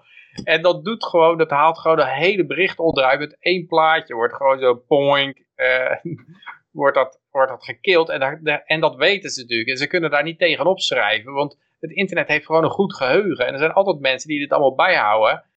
En die, en die, die knallen zo'n bericht dan helemaal onderuit. En, de, en zij verliezen dan de narrative. Dus ik denk dat ze die trollen, dat is dan echt wel hoog in de lijst om vanaf te komen. Ja.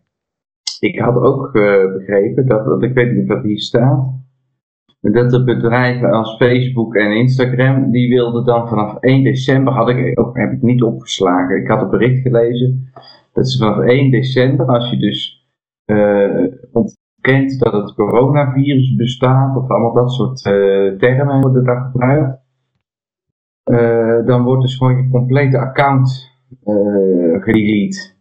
Kun je wel weer een nieuw account aanmaken natuurlijk. Ja, dan moet je wel rekening mee houden dat dat soort dingen gaan gebeuren. Maar, ja.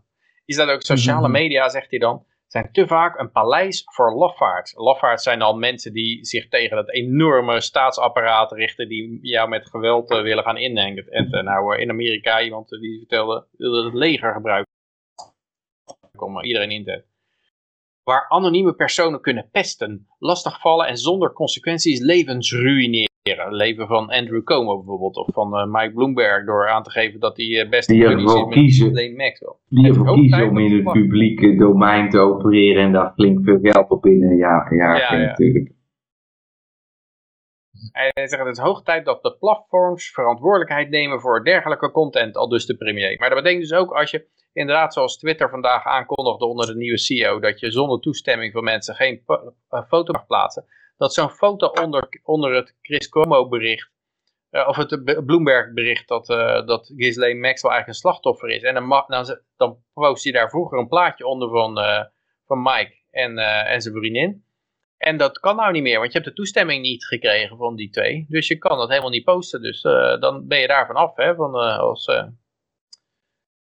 dus ik denk dat met dit soort regels gaan ze het inderdaad proberen uh, steeds lastiger te ah, Met wat Joshi zegt is van uh, dat, dat je dan, uh, je mag geen virusontkenner zijn of zoiets, weet je wel, dat dat wel een probleem blijft. Ik heb al een keer gehoord van de Die Grünen in Duitsland. Het, ik geloof dat holocaust-ontkenning dat dat strafbaar is daar. En, maar is in Nederland wouden... ook strafbaar? Oh, is in Nederland ook strafbaar. Nou ja, maar die wouden dan mensen die eh, de, de opwarming van de aarde ontkennen, die wouden ze, die wouden, dat wouden ze verbieden net als eh, de holocaust-ontkenners. Dat het ook strafbaar werd. Geeft aan hoe sterk een case is dat ze dat uh, zo moeten winnen. en, maar weet je wat ik ook leuk vond? Ik had, uh, ik had uh, er was iemand die had een, uh, weer een, een voetballer, die had weer een hartattack gekregen bij een wedstrijd. Maar misschien had ik dat ook al via jou en dat was die, die, die Traoré volgens misschien, ik weet het ook niet meer. En ik, ik, ik, had erboven gezet van, nou ja, weer een slachtoffer van de klimaatverandering. en toen kreeg ik een, en toen kreeg ik een, zo'n zo, zo fact, fact check van van uh, Facebook. Maar voor het, voor het eerst kreeg ik niet een vaccin over vaccins, maar over klimaatverandering. En er stond er ook bij van, uh, uh, hier kunt u ook lezen hoe de klimaatverandering bij u in de buurt is. En dus ja, nou goed, humor is nog niet in die algoritmes goed verwerkt. Dus dat, ja. En maar, het, maar het is ook zo leuk. Ik vind allerlei manieren om er onderuit te komen. Ik zag ook zo'n plaatje waar iemand had het ondersteboven geplaatst, de tekst. Dat is een plaatje met een tekst over vaccins ondersteboven. En dan kan je dat toch goed lezen. Maar die algoritmes, uh, die, uh, er stond toch geen warning onder. Dus, ja, er zijn creatieve mensen en kunnen zoveel manieren vinden om, die, uh, om, de, om, daar geintjes van te maken. Omdat je ook al weet dat als je, als je het woord vaccin erin staat, dan weet je dat die banner eronder komt. Dus dan kan je ook alweer, dan zie je ook die plaatjes die we verwijzen naar, naar die banner die eronder staat. Als je absolute bullshit wil horen, klik dan hier. En dan, ja, maar met die, met die, die grapjes, die, die, die zie je dus ook in het Engels. Die zijn over de hele wereld. Van uh, zeg maar dat, dat er een sporter uh, weer doodgaat door een hartattack en zo. Uh, it's because of climate change. Dat is een soort, soort let's go Brandon geworden van, van, van, ja. de, van de vaccins, weet je wel. Dus iedereen weet wat je daarmee bedoelt. Behalve de, het algoritme van Facebook. Die snapt ja. het nog niet helemaal. En daar wordt het heel moeilijk ja. voor ze om... op een gegeven moment wilden ze geloof ik Let's Go Brandon ook een hate speech maken. En dan ja, nou, en, en dit soort dingen kunnen ze ook, uh, ja, ik Ik vind het ook een mooi elf. Ja, het leuke van Lance Ja, misschien- Brandon is ook van dat het een aanklacht is eh, naar de mainstream media. Dus het, het, het is niet alleen een aanklacht richting eh, Joe Biden. Het is nog veel meer een aanklacht tegen... Jullie tegen, eh, jullie horen gewoon iets anders. Gewoon. en, dus, en, en daar valt gewoon niks tegen te doen, gewoon. Want, want, want ja, zij draaien het dan puur naar van ja, het is hate speech omdat het eh, beledigend is Ja. voor, de, voor de president. Maar het is natuurlijk een, een, eh, de hak nemen met de mainstream media. Dat is wat het Ja, is. ik hoor nou laatst al werd er ergens eh, fuck the Mormons gezegd of zo bij een sportwedstrijd. En er zijn natuurlijk mensen die hebben een drankje op en die gaan proberen een of andere gekke leus naar voren te brengen. En ik denk dat ze dat soort dingen wel eens kunnen gaan proberen eh, te gebruiken als, kijk, nou, fuck the Mormons is hate speech, rassen, is discriminatie of zo op basis van geloof. Of, eh, het is, eh, en, en dat mag dus niet, dus je mag ook geen Let's Go Brandon zingen. Dus, eh, zo- Zo'n kant zal het wel opgaan, denk ik. Ja. Nou, en Abu Talib, want ik ga gewoon even de brug maken. Die wil het dus Ja, ook verboden maken nu om, eh, om, om eh, live verslag te doen van eh, dingen die je niet aanstaan. Dus eh, behalve dat je dan je mening niet mag uiten, mag je er ook niet gewoon neutraal over bericht geven. De Nederlandse Vereniging van Journalisten roept Abu Talib op om, zijn profes- om professionele journalisten buiten het noodbevel te houden. Ja. En dat is dan de enige reactie. Boetlikkers. En ik, daar wil ik nog op, daar wil buiten ik nog blijven. op toevoegen. Wil ik nog op toevoegen. Ik zit ook in het kanaal van Podcast. Ik weet niet of jullie die kennen. Dat is eh, Rico Brouwer. Die eh, heel veel vanuit rechtszaken en zo. Die volgt de viruswaarheid en dat soort dingen. Die, die doet dan live verslag van de rechtszaken. Eh, en die heeft dus een, eh, een eh, hoe zeg je dat, vergunning. Of nee, het heet geen vergunning, maar het- die heeft dus bij die Nederlandse Vereniging van Journalisten zo'n eh, professionele eh, erkenning aangevraagd. En die is afgewezen. Want die krijg je namelijk alleen als je inkomsten hebt van een erkend mediabedrijf. ja, ja. Mm. En als dus je dat via niet hebt, donaties werkt niet. als jij via donaties eh gecrowdfund wordt, dan kun jij nooit een professional. Want dan krijg jij geen, eh, dan krijg je daar geen pas voor. Dus alleen als jij betaald wordt door een, bijvoorbeeld een NPO of de Telegraaf of dat DGP, eh, wat we net eh, benoemden, dan, dan, kun je dat, dan kun je journalist zijn. Dus dan hebben ze de definitie van professioneel dus ook veranderd al. Nou, het is gewoon. Ja, Ja. want- nee, ja, kijk. Met Ja, Als professioneel. jij rond kan komen met donaties, dan ben je professioneel, maar volgens hun niet. Als je subsidie krijgt van de belastingbetaler, dus eigenlijk, en je werkt voor NPO, ja, dan ben je een, volgens hun wel Ja, ze moeten eigenlijk moeten staan. Eigenlijk moeten staan. eh, ze roepen op om de door de overheid eh, geaccepteerde instituties ingestelde journalisten, zoiets. Je mag alleen propaganda hebben. Dat is het enige wat je... Dat is wat, Ja, want als jij, als dus afhankelijk bent van, een, eh, van, van jouw inkomsten van een bepaald bedrijf, ja, dan heb jij het niet op een andere manier. Dan heb je dus een bepaalde kijk. Weet je, de, de, de- hoe zeg je het ook alweer? Degene die betaalt, bepaalt. Hè? Dus, Maar ja, goed, Lucas zei van de oplossing Ja, ja, ja. is dat je een delay van drie seconden hebt op je uitzending. Ja, het is natuurlijk, ze zitten ook hier met censuur met een probleem. Als het live gestreamd wordt, kunnen ze het niet op tijd en nek omdraaien. Eh, zodat zij niet de narrative Ja. kunnen controleren. En dat is hun probleem. Eh. Dus ja, dat, vandaar dat livestreams bovenaan staan. eh. En ik denk dat ze inderdaad misschien ook op een gegeven moment een podcast license komen. No Agenda zat er al heel lang, jaren geleden hadden ze erover. Want ja, er komen podcast licenses. Dus dan moet je dan eerst moet je een license hebben om te mogen podcasten. En eh, ja, dan... eh, waarom niet? Hè? Waarom Ja. Zijn wij professioneel genoeg Nou, met vrijheid radio? het is Professioneel te betekent gewoon een hele likken. Nee, het- wacht even. en al die technische het punt is dit. Wij kunnen dan nog wel steeds wij kunnen dan nog wel steeds podcasts maken. Alleen dan kunnen we niet meer op Twitch het voor elkaar krijgen. Dat bij, net als bij andere kanalen gebruikelijk is of kan. Dat je dus via PayPal lid kan worden van de Vrijheid Radio podcast. En dan betaal je 5 dollar per maand volgens mij op Twitch. Als je iemand eh, abonneert, zeg maar. Ja, tuurlijk, Nou, iedereen mag gratis kijken, maar dan, word je dus uitgesloten Maar, eh, van het ontvangen van geld. Je wordt demonetized als je er niet aan meedoet. Ik moet nog steeds die QR-codes nog in beeld brengen waar je don- eh, crypto-donaties kan doen. Maar ik heb trouwens, als je op Twitch zit, dat wil ik nog even zeggen.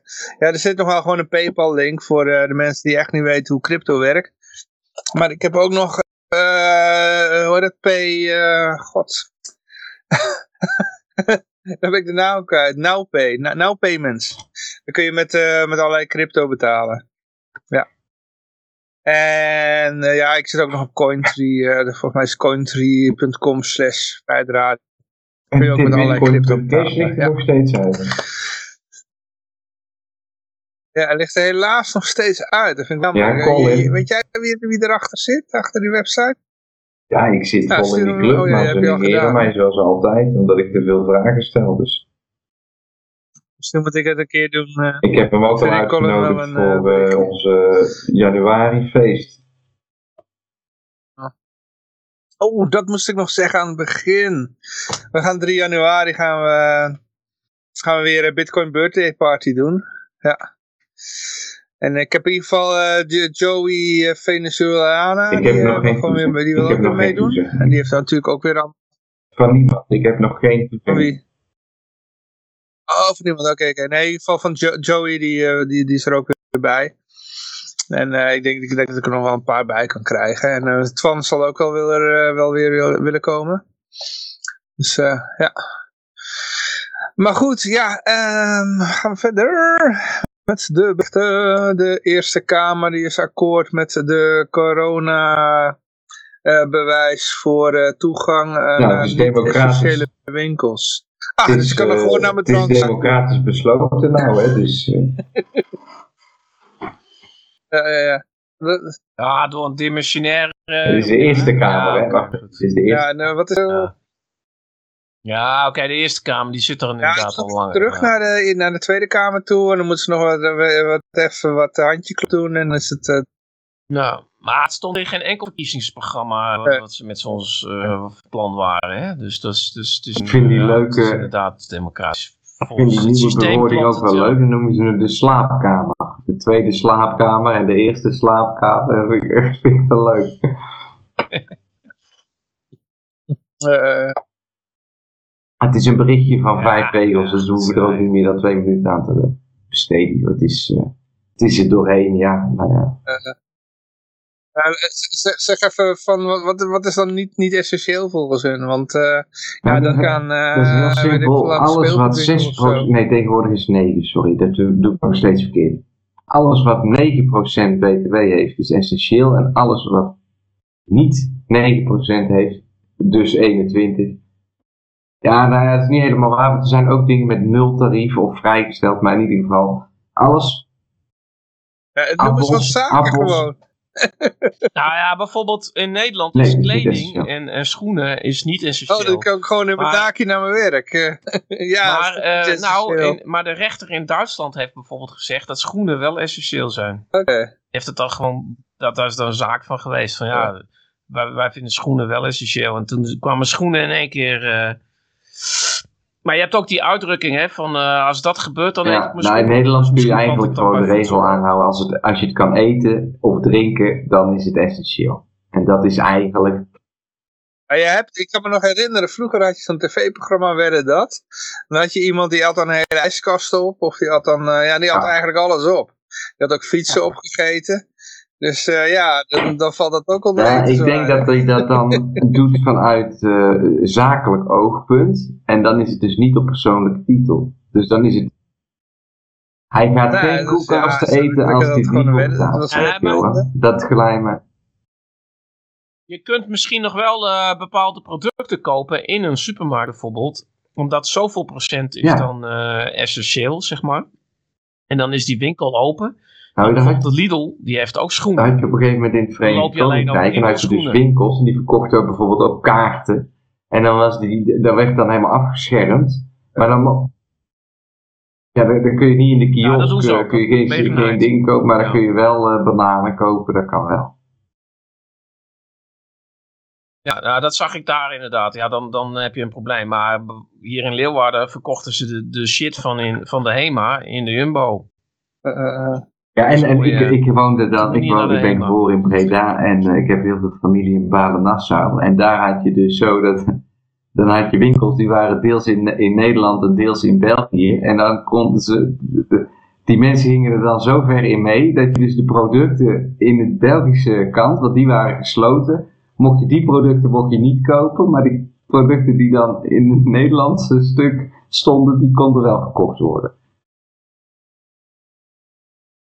Oh, nou, ik, ik kan me dan zo voorstellen dat je de sigaretten dan in Ja, ja, dat ging, dan, Belgische dat, ging dan in dit geval was het volgens En mij een blokker of zoiets. Ja, dat bestaat misschien niet eens meer. Hoe heette het dan? Ja, zoiets, zoiets van een winkel, Zeeman of zo. En dan, eh, ja, dan hadden ze twee deuren en die, die, die liepen dus over de grens heen. Want daar heb je heel veel grenzen in dat in, in het plaatsje. Nou, en dan konden mensen dus bij de Nederlandse deur, mochten ze allemaal naar binnen, maar dan hadden ze de halve winkel toch met een lint afgezet. En alle producten die dan aan de andere kant van de lint stonden. Nee, ja, sorry, nee, daar kunnen we niet bij, want dat is gesloten. nee, die waren toen afgesloten. Belgische winkels waren eh, de- eh, op een gegeven moment allemaal dicht, terwijl de winkels in Nederland nog open waren. Ook die supermarkten, zag je met zo'n lintje ervoor, dat je Ah, niet bij de ja. kaarten kon komen of zo, de Ja. andere kaarten, want die Ja. waren niet essentieel. Ja. Ja. Maar eh, ja, Rogier Oh. die eh, zegt nog wat. En Flabbergast. Uh, sport in de zegt sp- volgens mij voor... eh, wordt naar sport Voor in de supermarkt. En er was ook een filmpje deze week en daar stonden de mensen te feesten in de supermarkt. Dat was in Frankrijk. Oké. Ja, Rogier zegt En ook dus, nog wat. eh, nog zit ik niet te kijken. Nou, Username, ja, ziet daarboven. Peter het ook, anders leest hij het even voor. Is het een laptop? Biden, Eh, Biden is een belediging voor het presidentschap. En als Nee, de QR-code net zo goed gevolgd wordt als de backpamper, dan zie ik geen probleem. Ja, maar ja, dan, hadden we, ja, dan gaat het om het Ah, afrekenen. Eh, Daar hadden we net over, dat was voor de uitzending. Ja, dan reken je niet af. Dan, Ja, dan reken je niet dan- af. Nee, Als Nee, je maar dat is, het zal niet hetzelfde worden nageleefd als de backpamper, want het kan namelijk veel makkelijker gehandhaafd worden, omdat elk kassasysteem een product met 19%, 21% btw aanslaat. Dus als jij in de periode een verkeerd product verkoopt, dan staat het in je boekhouding en dan... eh, Ja. Ja, ze verkoop je het gewoon niet. Zo simpel is het gewoon. Je krijgt het gewoon niet mee. nee, precies. Of je moet s'nachts winkelen. En dan moet je aan iemand anders vragen. Ja, of je moet winkelen in een... Want zou dat, dat mag natuurlijk, eh, met drank mag dat niet. Je mag niet eh, zeggen, je bent 16 en je vraagt iemand eh, drank voor jou te kopen. Maar je kan wel vragen, maar, Ja. kunt u even deze, deze set onderbroeken voor mij afrekenen? Want ze zijn niet essentieel. Je, je kan ook Precies, zeggen, maar je hebt ook tijdens... bij je zo'n Albert Heijn bonuskaart. Ik heb, nooit, ik heb nog nooit een Albert Heijn bonuskaart gehad. Maar ik heb altijd de bonus. Want die cashier, die gebruikt dan haar eigen bonuskaart. Ja, dus je kan eigenlijk je kan zeggen van, eh, Ah. ik, eh, ehm, eh, als je, als je, als, stel dat je geen eh, essentiële, of sorry, stel dat je geen niet-essentiële producten mag kopen, dan is vanaf dat moment alles btw-vrij aan te schaffen eigenlijk. Ja, ik mag het niet Ja, maar kopen. wacht even. Hé Peter, wacht even. Dat klopt toch niet helemaal? Want als ik nou bijvoorbeeld een, een zaak die open is. En die, die, dan mag je met de QR mag je bij de Scapino schoenen kopen. Maar ja, ze mogen niet aan mij verkopen, want ik heb geen QR. Maar als zij dat aftikken en ik betaal gewoon met cash geld. Dan is dat toch verder Ja, dat- te dat- vinden. Dan hebben ze toch gewoon zogenaamd verkocht. Dat is wat ik zeg. dan ben jij misschien wel een mystery Ja, shopper. maar dat is wat ik zeg. Friesland kent iedereen, iedereen elkaar, maar in, eh, hier is dat niet het geval. Dus dan, dan eh, weten ze niet of ik een mystery shopper ben van de, van de minister. Een mystery shopper. Die wilde die Vert Grapperhaus toch gaan instellen van die boa's die dan komen schoenen, schoenen afrekenen bij de, bij de Scapino. En als, als ze dan zeggen, nou eh, ik regel het wel hoor. Als je contant betaalt, dan, eh, dan praten we daar verder niet over. Haha, u bent er nu bij. Dat Als een 2000 u- euro. uitlokking. Mag, mag dat Ja. uitlokking? Ja, ze wilden In Nederland? In dit de geval wel dan, hè? Er zijn een hele hoop dingen die voorheen niet mochten. Die, eh, Ja. die toch... eh, Ja. Maar eigenlijk moet je dan dus de deal Mhm. maken van we delen de btw-kosten, want we, die, die, die schoenen die sla je toch niet aan op je kassa. Dus die btw die ga je ook niet afdragen. En dat is dan jouw risicoopslag voor het geval dat ik een mystery shopper ben. En dan heb je, ja. Ja, maar je kan toch gewoon even zeggen tegen degene voor je of na je van eh, kunt u dit even betalen, dan maak je het gelijk over. Hier waar we bij staan. Ook dat. Kun je natuurlijk wel 5% meer betalen.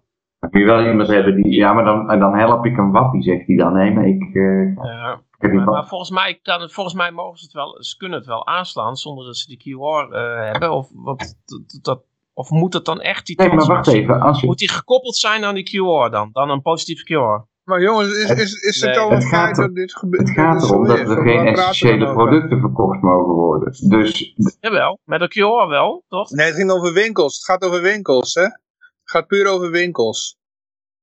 Dus de supermarkt kan gewoon zijn drank blijven ook verkopen. maar, eh, En kan- ja. ja, maar die is, die is essentieel. Die mag overblijven. Die kan aan iedereen zijn drank ja, maar je zit alleen maar over En ik denk dat dat is ook Volgens mij wat kan er gebeurt. Ik bedoel, Maar hoef je geen zorgen te maken. Maar... en schoenen en alles. Ja, de- maar dat ga je gewoon krijgen. Net als met de lockdown. Gaat, eh, want die hebben Ja, een goede lobby, al die, die kunnen. Schoenen supermarkten. verkopen. Die gaan... Die gaan Ja. gewoon eh, tv's verkopen en schoenen en, en noem maar, maar op. die, die alles. supermarkten die willen ze ook niet sluiten. Want ik, ik zou best wel, ik zou best Nee, wel want die kunnen beter lobbyen bij de supermarkten VVD. zouden Sluiten, want dan, dan, dan heb je misschien net die druppel die de emmer op doet overlopen en dan hebben we één grote opstand. Mhm. Maar dat, dat willen ze nog niet direct. Stapje voor stapje. Nee, je moet gewoon allemaal, je moet allemaal gewoon aan de e Nou, je moet allemaal aan de e de dan heb je geen de geweld chat, eh. nodig. Je hebt een, een- Ja, we moeten allemaal aan die gelden, sowieso. Vind ik wij ook. hebben, geen, Maar, we hebben sowieso geen geweren, dus dat schiet, dat schiet toch niet op. Maar trouwens, oh, dat, dat, ik had wel gelezen, dat was een, een eh, volgens mij was de Papijn van Houwelingen. En die had een eh, motie ingediend van dat de essentiële winkels nooit gesloten mochten worden voor eh, de QR-lozen. En die motie is verworpen. Jo, ja. Dus dat is wel iets wat, wat, wat ze... En ook dat het alleen maar voor COVID gebruikt mocht worden. Het kon ook voor andere dingen gebruikt worden. Dus dat is ook, eh, die motie werd ook verworpen. Ja, Onze empty username die loopt de winkel in en als die niet welkom is, ga ik zonder discussie weer weg, zegt hij. Tot nu toe gaat het prima, alleen bij mijn baas niet. Maar daar zijn we ook uitgekomen. Dus ik hoop op een vervroegd pensioen als ik dit lees. Lekker eh centen pakken, en weinig doen. Ja, eh, maar we gaan even naar Eindhoven toe. Ik, ik had helaas Doe niet laten horen. over. Ik kan het helaas niet... Oké. Ik kan het volgende filmpje helaas niet laten horen, maar... eh, jij had in eh, Eindhoven nog wat gevonden, hè Josje? Dus vertel maar even. In, eh, Ik weet niet, was op de Omroep Brabant was het. En eh, ik niet dat ik hier Omroep Brabant ontvang. Maar ik had het wel gezien. En eh, in Eindhoven zijn ze begonnen met eh, luidsprekers op te hangen. Die elk kwartier, dus dat zijn 15 minuten. ehm, ehm, een, een, een geluidsband afspeelt. Waarin alle mensen die op dat moment het horen welkom worden geheten in de stad Eindhoven. en dat ze in de stad Eindhoven de COVID eh, proberen te verslaan door anderhalve meter afstand te houden en de handen te wassen en eh, allemaal dat soort eh, praat. En Dat het snel stolen, kapot is, vernieuwd, in brand gestoken of eh nee, nou ja, ah, er hangen ook camera's daar. Het is in het Nou, daar hangen er aardig wat. ja het is, Het is in het centrum van de stad. Ja, de hangen, Ja. Ze hangen heel Ja, hoog en dan camera's hangt daar... natuurlijk weer op die maar het meeste Dus als je die dingen wil afschieten, dan, Ja. eh, dan moet je een mondkapje op doen. Dan kan het wel. Als je een mondkapje op doet, dan ben je onherkenbaar voor de camera. Dan kun je met je jachtgeweer die dingen uit de lucht schieten. het, het meest hilarische vond ik nog dat het na het Nederlands schakelt het dan over naar Engels. En dan zei Een dat, soort van Engels. en dan, ja, als je, moet het echt Engels. kijken, het is echt hilarisch. Maar Ja. Dan dan zeggen ze dus eh, in plaats van one and a half meters, zegt hij eh, anderhalve meters. Zoiets. Het is echt. Het is echt. Ah, het is een beetje van, Zeg maar zoals het is een beetje van Engels dat praat. Rutte Engels wat je hoort. Vind ik. Ja. Ja, ja, ja. Maar dit, dit, gi- dit is, Dit is de het giant speaker system is wel typisch iets wat, wat heel erg goed eh, past bij communistische landen ook. Hè? Van die, die hadden ook van die vakantieparken en daar hing zo'n enorm. Ik weet nog dat ik naar China reisde met de trein en het hele treinsysteem zat ook wel zo'n speakersysteem door waar dan een of andere ja, uit, volkslied uit begon te schallen. En ik hoorde dat op middelbare scholen dat het nou ook al is dat, eh, dat door de intercom wordt de hele tijd aan herinnerd eh, wat, de, wat de coronaregels zijn op dat moment. En die kun je natuurlijk elk moment veranderen en dan eh wordt je dat allemaal via de intercom wordt je eh, verteld hoe, eh, hoe de coronaregels op dit moment zijn. Het is echt gewoon helemaal 1984-achtige toestanden. Want nee, nu moet je rechts lopen op de trap naar beneden toe. eh. iedereen is een overtreding. Uh, we beginnen elkaar allemaal te slaan natuurlijk. eh, uit woede dat er niet aan de coronaregels gehouden wordt. Ja, het is Noord-Korea aan de Noordzee, hè? Noord-Korea aan de Ja, ik moet denken aan eh, DDR, want, want mijn ouders zijn in de DDR geweest vroeger. Er was wat dingetjes gesmokkeld voor eh, contacten die ze daar hadden. En eh, ja, echt een James Bond, echt voor de kerk hoor. Nee, Was het. dat maakt het goed. Boeken. ja. Maar eh, in ieder geval, maar die waren daar ook. En dan, dan hoorde je echt, als ze een, minuut te laat waren, weet je wel. Dan werd dat door de, de intercom en dan hoor je door de, de hele stad van meneer en mevrouw Jongepier in het Duitsland.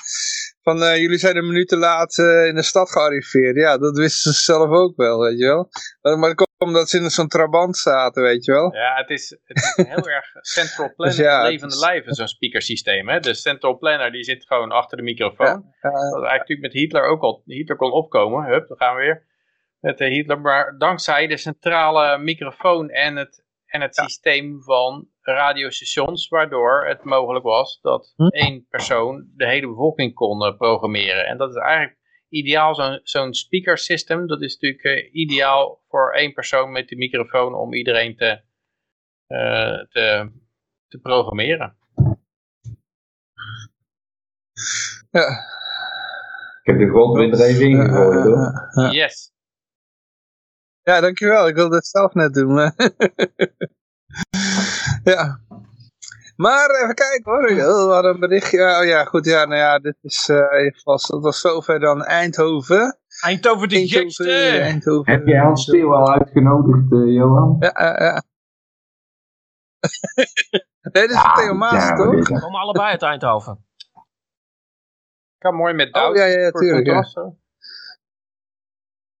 Ja, de Duitse Dit is erbij. ook ja, inderdaad ja, echt... Oh, jongens toch. Ja. En dan die foto's die ze erbij plaatsen. Wat? Oh, oh, oh, oh. Van Nee, de partij het, bedoel je, eh, of, eh? van het AD. Dat bericht over Duitse werd een Ja, ik was eentje opgeschoten. Eerst nog even Pathé.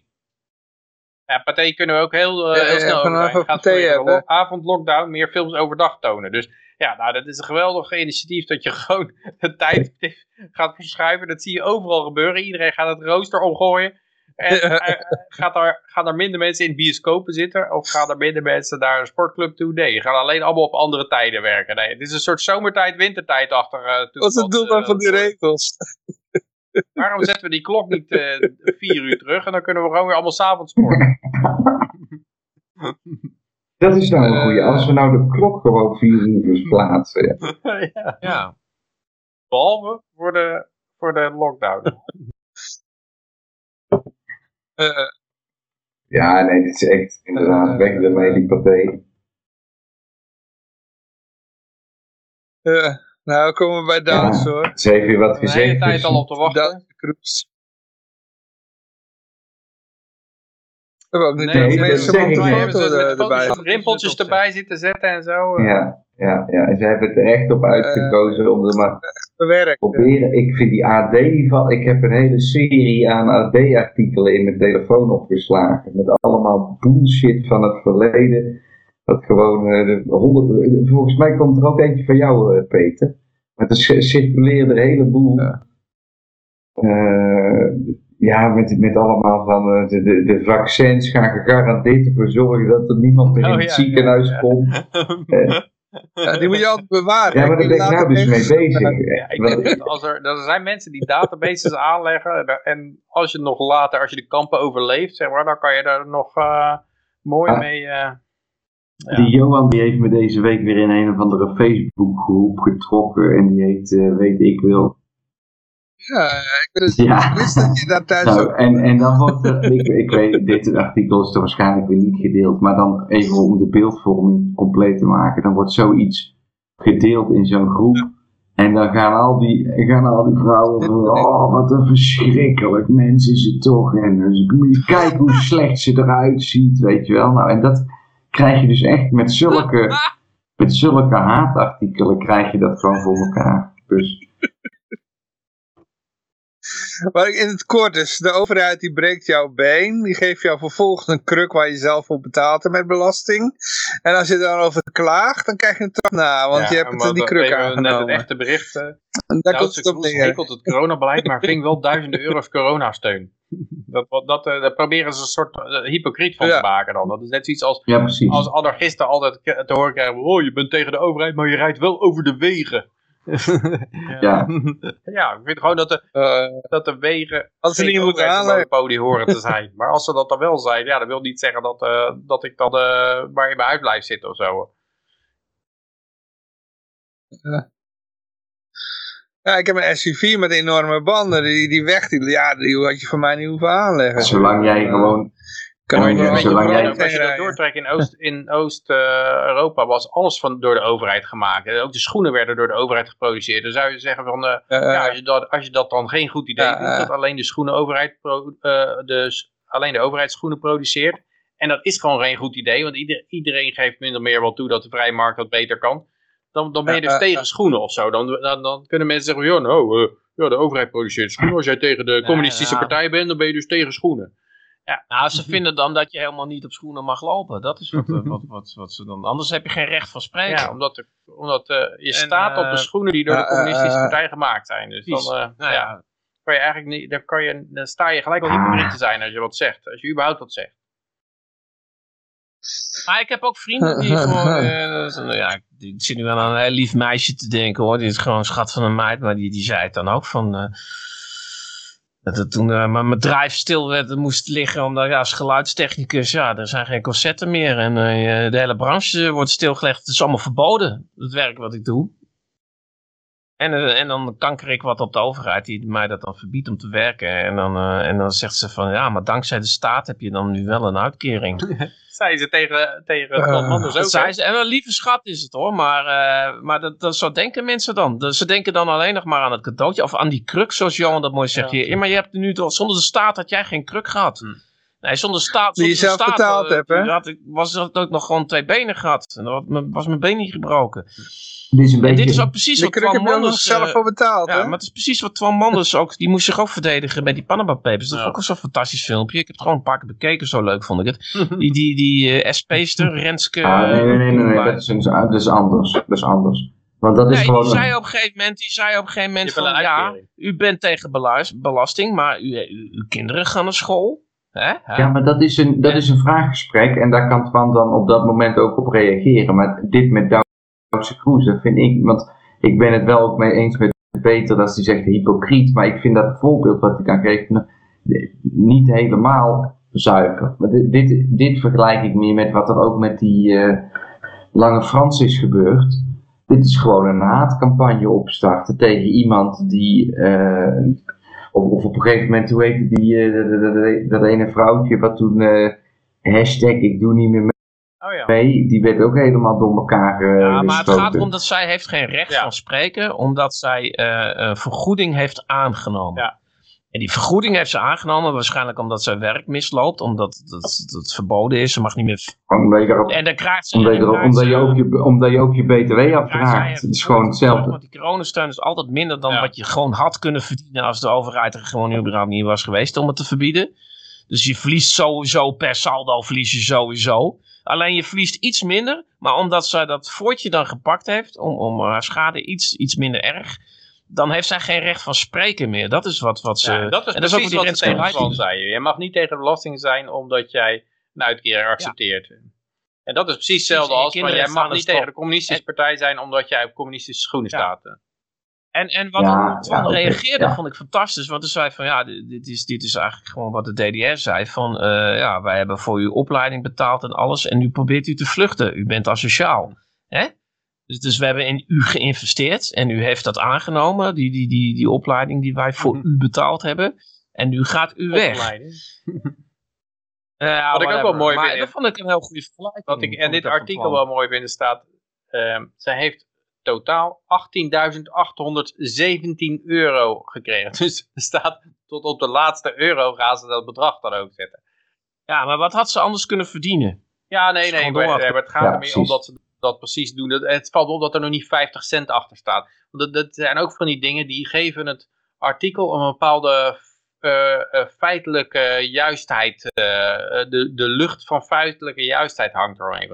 Ja, we hebben, Ja, en we dat hebben, mensen we hebben denken het van, oh, dat gedaan wel hoor. veel geld. Ze verdient er eigenlijk aan, aan die, eh, oh, dus kijken, Nee, niet dat het veel 18.000, geld is, niet- 870. Nee, maar dat het bedrag exact genoemd wordt. Kan ze net de boekhouder Dat, van betalen. Ze heeft een vermogen van 29 miljoen. Ja, Staat maar, erbij.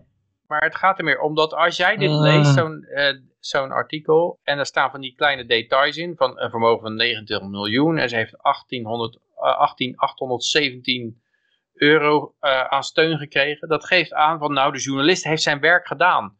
Nee, hier, hier staan verder rest geen fouten meer in, want het is precies, eh, hij heeft het bedrag opgezocht. Wat, eh, Ja, overigens, maar Ja, en, dat en, en, vermogen van... en dat detail klopt ook. Ja, Hè, dat, dat detail dat ook. klopt ook. Dubbel zei dat ook altijd van pro, eh, propaganda moet feitelijk juist zijn. En daar bedoelde hij eigenlijk dit soort dingen mee. Het moet feitelijk correct zijn, dat bedrag moet kloppen, die 29 miljoen eh, moet kloppen. En dat is trouwens ook een soort eh, hypocrisie. En niet alleen van, ze, ze is tegen het beleid en ze ontvangt duizenden euro steun. Maar ook, ze heeft 29 miljoen euro vermogen en ze heeft 18.817 euro aan subsidies aangevraagd. Eh, dat is ook, daar Het zit ook een steek onder dat- water in. Hè? Van, ze heeft het eigenlijk helemaal niet nodig. Het valt mij mee dat, het valt mij mee dat de leeftijd niet wordt vermeld erbij. Duitse Kroes, zoveel Ja. jaar, heeft adres erop, eh, woonachtig eh, daar. Eh, Ik denk dat ze zelf dat leest en dat ze denkt van nou, ik heb mijn bankrekening gecheckt, maar Ja, dat had echt maar niet zoveel die- die miljoen op. Er 29 staat, eh, miljoen, staat maar een getal met drie 29 nullen miljoen, op of zo, weet je wel. helemaal niet. Ah, die doet ook helemaal niet Nee. mee in het Nee. verhaal. Maar dat doen ze dan wel. En dat, dat komt Ja. omdat er gewoon mensen zijn, en daar hoor ik dan niet bij, die dan een soort, eh, eh, dat, dat, die jaloezie die wekt dat op toch bij mensen. Hè? Van, eh, En het enige wat ze Eh. gezegd heeft is, ik laat mij niet dwingen om het vaccin te nemen. Voor Duitse is de grens bereikt. Ik laat me niet dwingen om het vaccin te nemen. En, en, ja, en daar wordt ze dan al voor onder vuur genomen. Dat- Daar wordt ze aangevallen. Het is, eh, maar ik moet zeggen, ik zag het bij Facebook voorbij Ja. komen. De hele commentaarstekst die stond helemaal vol met... Wat smerige haatcampagne, wat is dit voor real journalistiek? En eh, het werd helemaal afgebekt. eh. Dus ik, ik had meer het idee dat het, dat het toch niet, dat het ze niet lukt. Om de- dit is te, door, te doorzichtig. eh. Nou ja, en die Duitse Kroes heeft ook gewoon een persoonlijkheid waar je heel moeilijk Ja. tegenin kan net zoals. Want J.K. Rowling. Zeg maar, die heeft een dikke bankrekening en ze zijn, ze zijn eigenwijs. En er zijn gewoon heel veel mensen Ja. die daar wel respect voor hebben. Gewoon eh, dat je, je, je hebt je eigen mening. Die denken, haha, die kunnen ze lekker niks maken. Want die, die, is, eh, die, die heeft, is financieel onafhankelijk. Dus die kan lekker gewoon zeggen wat ik eigenlijk ook denk. En er staat ook weer in de laatste alinea van wat ze vindt. Dat is, dat is het punt dat mensen opgehouden zijn om te lezen. Oh, oké. Dat, is altijd, eigenlijk moet je dit soort kutkranten en zo'n kutbericht, dan moet je gewoon de eerste duizend woorden overslaan. Ja, dan moet je, Helemaal naar beneden als- scrollen. Dan, dan is het best nog wel, hè, als stel dat dit nou de opening was geweest. Er staat, eh, twee maanden geleden liet Kroes daarnaast weten dat ze zich niet laat, eh, dat ze zich niet laat vaccineren tegen het coronavirus. Ook wil topmodel niet bewijzen dat ze gezond is, zodat ze kan deelnemen aan de samenleving. Ik accepteer geen uitsluiting van mensen op basis van hun medische status. Luidt haar standpunt. Volgens Duitse Ja, is eh, eh. vrijheid van meningsuiting bovendien een recht dat het waard is om voor te vechten, maar we kunnen dit een- alleen oplossen in vrede en liefde. Nou, het is eigenlijk gewoon een. Ja, hoe kun je erop tegen zijn bijna? Ja. Zo ongelooflijk gematigd. Ja. Zullen we even Ja, je moet- Je moet echt die zus van erbij, erbij halen om er iets tegen te kunnen beginnen. Oh, die zus ken Nee, nou moet je maar een keer naar op zoek. Die doet nog wel eens wat wilde uitspraken waarvan je denkt van nou dubieus. Maar de, de, tenminste, hè, maar nee ja, eh, het is het gewoon, eh, ze hebben het er moeilijk mee met iemand als Douds. En ze moeten zelfs eh, een foto met kraaienpootjes ermee publiceren. Dus eh, Ja, maar dan, dan is het nog, eh, dan zit, dat is nog steeds, zit dat niet naast mij op de bank. Nee, het ziet er nog steeds fraai uit. eh. Maar jij kon haar wel hier in de uitzending krijgen. vlak in de buurt. Ga naar Wip er even langs. Ja, eh, eh. Als we wat professioneler zijn. Maar eh Omicron, daar moeten we met z'n allen bang voor zijn. Ja. ja ik, ben ook, eh, ik vind ook wel bang? leuk dat eh, dit, dit artikel in de kop eh, wordt dus gevraagd, why is de Omicron variant so scary? Er ligt al in besloten Maar is- is. Ja, inderdaad, maar Ja. is IS wordt dus ook met hoofdletters gespeeld. Dan word je nog even herinnerd aan je vorige angstpsychose die door de mainstream media in je, in je hersens geplant is. Why is de Omicron variant so scary? Dus je moet het gewoon al überhaupt niet... het- het- dat is gewoon, het is een gegeven, het is een feit. Hij is scary. Ook als je, als je niet scary... eh, Maar ik denk, dat, Eh, eh. ik denk dat ze het om IS hebben gedaan. Ik Ja. denk niet dat het echt om die is. Ik denk dat het IS, en volgens mij dat is zijn ook al mensen IS alweer scary. vergeten. Ja, Nee, maar in het onderbewustzijn zit dat er nog in.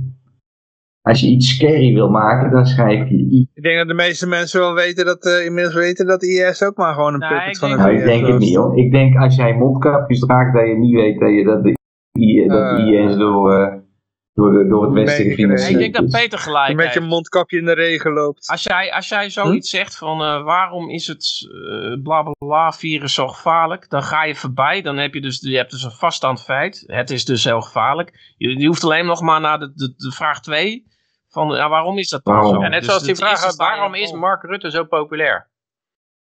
Dat, dat, dat gaat er dus voorbij aan, of die wel Dan populair is of niet. Die vraag is die mag je niet meer stellen. Het is alleen... eh, Ik, Het is alleen niemand. die niet populair is. Ja.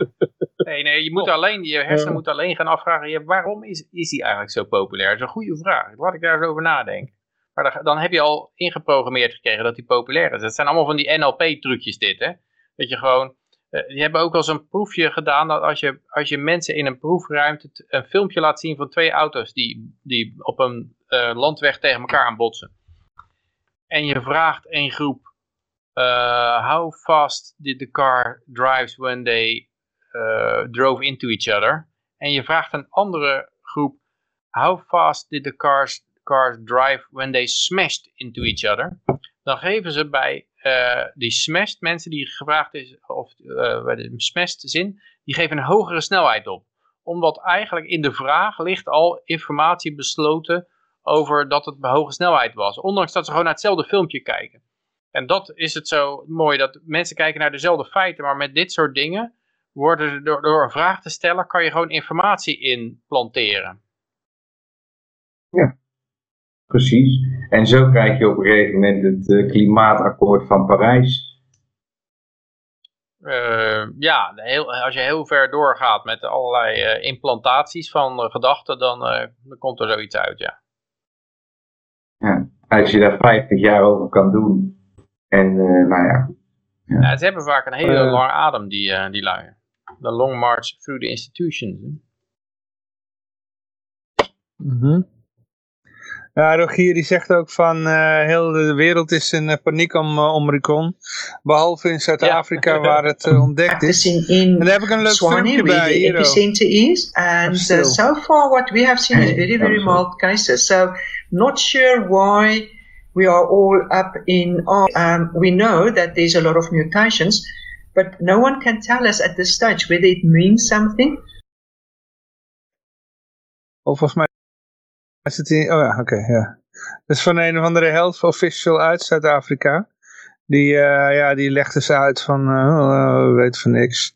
Iets, iets in die trant. Ja, het is, over Ja. het algemeen is het zo dat die varianten van zo'n virus, die worden steeds besmettelijker en minder dodelijk. Ja, dat hoeft niet altijd zo te zijn, maar dat is, eh, en dat lijkt hier ook het geval te zijn dat dat ding heeft wel een heleboel mutaties, maar is daarmee enorm instabiel geworden. Die valt heel snel uit elkaar. Dus eh, ja, het is helemaal niet de verwachting dat dat ding nou zo'n ontzettende schade gaat aanrichten. Maar het is ook waarschijnlijk dat het vaccin niet werkt. Die, die CEO van Moderna heeft al gezegd dat Moderna niet werkt tegen deze varianten. jongens, nee, maar dit is, Peter, ik ga je even bevrijden uit je narratief, want het is 0,15% IFR, dus het is allemaal non-discussie, het is allemaal Natuurlijk. bullshit. Maar, maar de- desalniettemin, Ja, ja. over het algemeen worden ze nog steeds... Want, want SARS-CoV-1 is gewoon ook helemaal verdwenen. Dus het muteert naar, naar het niks toe. Het muteert naar, eh, naar, naar weg. Het muteert gewoon weg naar iets instabiels dat uit elkaar valt. Over het Nou algemeen. ja, het muteert en het muteert en mensen worden ouder en ouder en op een gegeven moment wordt iemand zo oud dat hij zo zwak is dat het toch voor hem wel een gevaar is. Hè, het is niet zo dat dat mensen niet doodgaan aan de griep. Want Ja, maar is, voor dat zo'n iemand gebruikelijk. is alles een gevaar natuurlijk.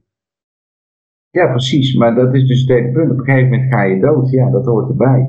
Maar als je, als je net als ik, hè, laat ik eens vanuit mezelf praten voor de, voor de verandering, 35 bent, ja, dan ga je niet dood aan de griep. En ook niet aan de Omicron, eh, Delta, weet ik het wat allemaal. Dus... Dus vraag wat er uh, Ronkler hangout wat de NLP is. Dat is neuro, nee, dat neurolinguistisch programmeren. Dat zijn van die, ja, van die taaltrucjes eigenlijk om, uh, om mensen ja, een, hun gedachten om te krijgen. Ja, neurolinguistisch programmeren werkt bij libertariërs niet zo goed, zegt uh, ja, De symptomen van moronic zijn bijna gelijk aan de bijwerkingen van het vaccin. Ja, dat is ook altijd de grote angst, hè, dat ze gewoon, dat ze gewoon uh, de bijwerkingen van het vaccin, als ze op een gegeven moment, ze knallen, ze knallen vaccin ja, in en dan ontdekken ze dat het ding enorme hartspierverlammingen geeft. En dan zeggen ze, ja, oh, het virus is gemuteerd en het nieuwe variant, uh, die geeft hartspierverlammingen. En dan, dan kan je natuurlijk alles onder het tapijt vegen. Ja, tuurlijk. En daarom gaan ze dus ook zeggen, nou kijk eens hoe gevaarlijk het aan het worden is. Want iedereen is aan het doodgaan van de Omicron variant. En dat zit allemaal ja. prikschade. Maar die mensen geloven het wel. Want die zijn zo bang. En oh nee, nu zegt uh, Hugo de Jonge dat het komt van de Omicron variant. Ja, dus is, ja, ze, uh, ik heb geen eigen gedachten. gaan ze nog meer prikken halen om daar tegen beveiligd te zijn. En we krijgen ze nog meer prikschade. En en dat is eigenlijk precies hetzelfde wat er ja. gebeurde bij die Anders Breivik. Op dat eiland met die socialistische uh, Jugend, uh, de indoctrinatiekampen. In Noorwegen was het, actief, Hij was gekleed als een politieman. En die kinderen, die toen, toen door gevaar dreigden, renden ze naar die politieman toe. Dus hij kon ze gewoon zo afknallen, want ze kwamen gewoon naar hem toe gerend. En dat is eigenlijk bij de overheid ook een hele symbolische iets van de overheid. Dat uh, de overheid is eigenlijk een leeuw waar mensen naartoe rennen, rennen voor bescherming. En die vreet ze gewoon allemaal op. Uh. Dat zou bij een militaire kamp oh. zou dat niet gebeurd zijn. Dat iedereen dan, uh... Als je dan in politieuniform komt, dan rennen ze oh. allemaal weg. Snel even de druk. Ik heb hier nog een scherpe opmerking. Er komt van alles in de ben chat, jongens. Er komt van alles in de chat. omdat neurolinguistic programming niet op je werkt? Of werkt neurolinguistic programming niet op je omdat je libertariër bent? Ik denk dat het altijd wel werkt. Ja, beide waar is, denk ik. Uh, ik denk dat het altijd wel werkt. Want vaak kom je er bij dit soort titels pas later achter van... Oh, wacht even, dit zijn ze, proberen ze te doen. Maar dan kan het nog zijn dat net als bij reclame... dat het toch nog wel gewerkt heeft op een of andere manier. Het, het, het, het, het, Slipper er een hoop doorheen. Nou, nee. Het gevaarlijke, ik weet niet, dat is niet het goede woord, maar... Uh, als jij het maar leuk genoeg vindt, dat wat er geprogrammeerd wordt dan ga je er ook helemaal niet tegen in natuurlijk. Hè? Dan, dan denk je van, oh, dat vind ik eigenlijk wel mooi, dat, uh, wat er allemaal in, in, mijn onderbewustzijn wordt ingebracht. Daar ga ik in mee. Dus ja. Mm -hmm. ja dit uh, volgende artikel dat we behandelen, ja, dat zit achter een, uh, oh, hey, hey, hier, hier zit hij weer niet achter een paywall. Oh, dat is een andere computer. AD niet. Um, Oh. Ja, ik had hem op mijn andere computer, zat hij inderdaad achter een paywall. Maar, uh, dus ik, kon, ik, ik, dacht eerst van, dit gaat over prikschade. Maar jij, in jouw uh, tekst die, erbij, uh, die jij erbij had gevoegd, Peter, stond er inderdaad bij dat het vanwege de, de afzetting was die de, de politie had gedaan vanwege de, oh een mogelijke demonstratie. En de, dat ze daar dus slachtoffer van zijn. Maar in ieder geval, uh, opa en oma komen om bij uh, ongeluk in de buurt van Nijmegen. Kleinkinderen file gecreëerd, toch? Ja, het hadden, de politie had een file gecreëerd vanwege ja, ja, ja, de demonstratie. Angst, ze waren bang voor de demonstratie. File gecreëerd en daardoor knalt er iemand op uh, iemand anders. Die, die verwachtte die file niet. En, uh, en daar zijn er mensen om het leven gekomen. Dus dit zijn covid-slachtoffers. Rustig. Ja. 100 procent. Ja. Maar is het niet, is het niet doodslag? Dat is dan... Uh, ja. Ook dat? Nee, als de politie oh, ja, maar het is als we kijken, hetzelfde als, als iemand in een uniform een bom gooit. Als iemand in een uniform een bom gooit op een groep mensen, dan is er nooit ik moord. weet nog wel, bij die, uh, de politie heeft die, niemand direct vermoord. Ze hebben alleen een file gecreëerd. En dat is natuurlijk al eerder gebeurd. Dus een fuik opzetten ja, uh, en dan file creëren en daarmee een ongeluk veroorzaken. En, en, en natuurlijk portret- is de die politie nooit schuldig. Ja, maar ik, refereer... Ja, die protestvriezen van Sinterklaas met Ik- die ik- ik- kick-out Zwarte Piet, weet je wel? Hoe heet het? Die, die, die deden Ja, hetzelfde, ja, die gingen langzaam rijden. En die hebben een gigantische straf gekregen. Is, en, en daar was niemand bij dood Maar als de politie doet dan niet, hè? Nee. Maar ik, wil, ik refereer even naar... eh dat ze in de Tweede Kamer had ooit die, die twee gasten van, eh, van Denk... Met, eh, uitspraak gedaan dat de bom die de Nederlandse eh, piloot op de... Hoe noem je dat? Op de, in Irak of hier, ja nee, Syrië of Irak. Irak was het volgens mij. Op een groep mensen gooide. Eh, onschuldige burgers, zeg maar. Ik denk Syrië. Ik hoor een enorme Ik denk. Syrië hoor. Ik denk Ja. Syrië. Ja, het was of Syrië of Irak. Maar ze hadden een bom gegooid waar heel veel burgers bij omgekomen. En zij zeiden in de Tweede Kamer, oh, dat is moord, dat is moord. Nou, de hele Tweede Kamer viel over hun, want degene die het deed, die had een uniform aan. Dan is het nooit moord. Snap je? Eh, hele Dus als de Nederlandse politie een file Ja. creëert en er komen mensen bij om, Ja, is dan is het nooit moord of iemand doodschiet, is doodslag. ook nooit moord. Nee, nee, nee. Dus ja, het, het is heel krom natuurlijk, want ja, je, trekt je uniform uit en je kan eigenlijk alles doen wat je wil, aan. maar... Je, zet de luisteraar weer helemaal op het verkeerde Ja, sorry, uniform aan, ja, uniform aan, ja. Sorry, sorry, je trekt je uniform aan en dan kan je alle, alles doen Ja, wat het je wil. zelfs dat dan alleen is het geen alleen de pet Eh, ja, noodzakelijk is. Om dat eh, gevoel bij mensen te werk te eh, stellen. Ja, ja, ja, ja. Ja, je kan je gewoon net als André uh, Breidvik kleden. Je bent zo'n politieagent, pet en dan zo'n EA-15. oh nee, sorry. Kom maar hier voor bescherming. Ja, ik, ik, ik ben alweer veel te lang wakker vandaag, jongens. Ik heb alweer een drankje gedronken. Dus de, me- de opmerkingen Oh, oh ja, ja. die vliegen over de toonbank. Eh, ja, als je school, schoolshooting wil doen, ja, doe we gewoon een politiepet op en eh hartstikke idee. Ja, Ik zou Maar, eh, gewoon... ja, ja, goed. Nee, nee, nee, ik zeg niet, nee. Nee. Hey? nee want het gaat om een schoolshooting, dat is niet grappig. Nee, uiteraard niet grappig. Nee, nee. Ik bedoel het ook serieus. Hoor. Maar eh, in ieder geval, eh chauffeur die eh, wordt onwel en eh, rijdt in...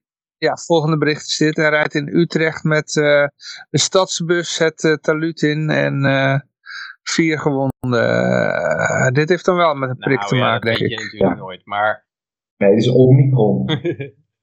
maar Oh ja, Maar het is, het is wel zo, er, er reageerde geloof ik iemand op een reactie van jou die erop schreef. eh, ja, er zijn wel verdacht veel meer ongelukken de laatste tijd. eh.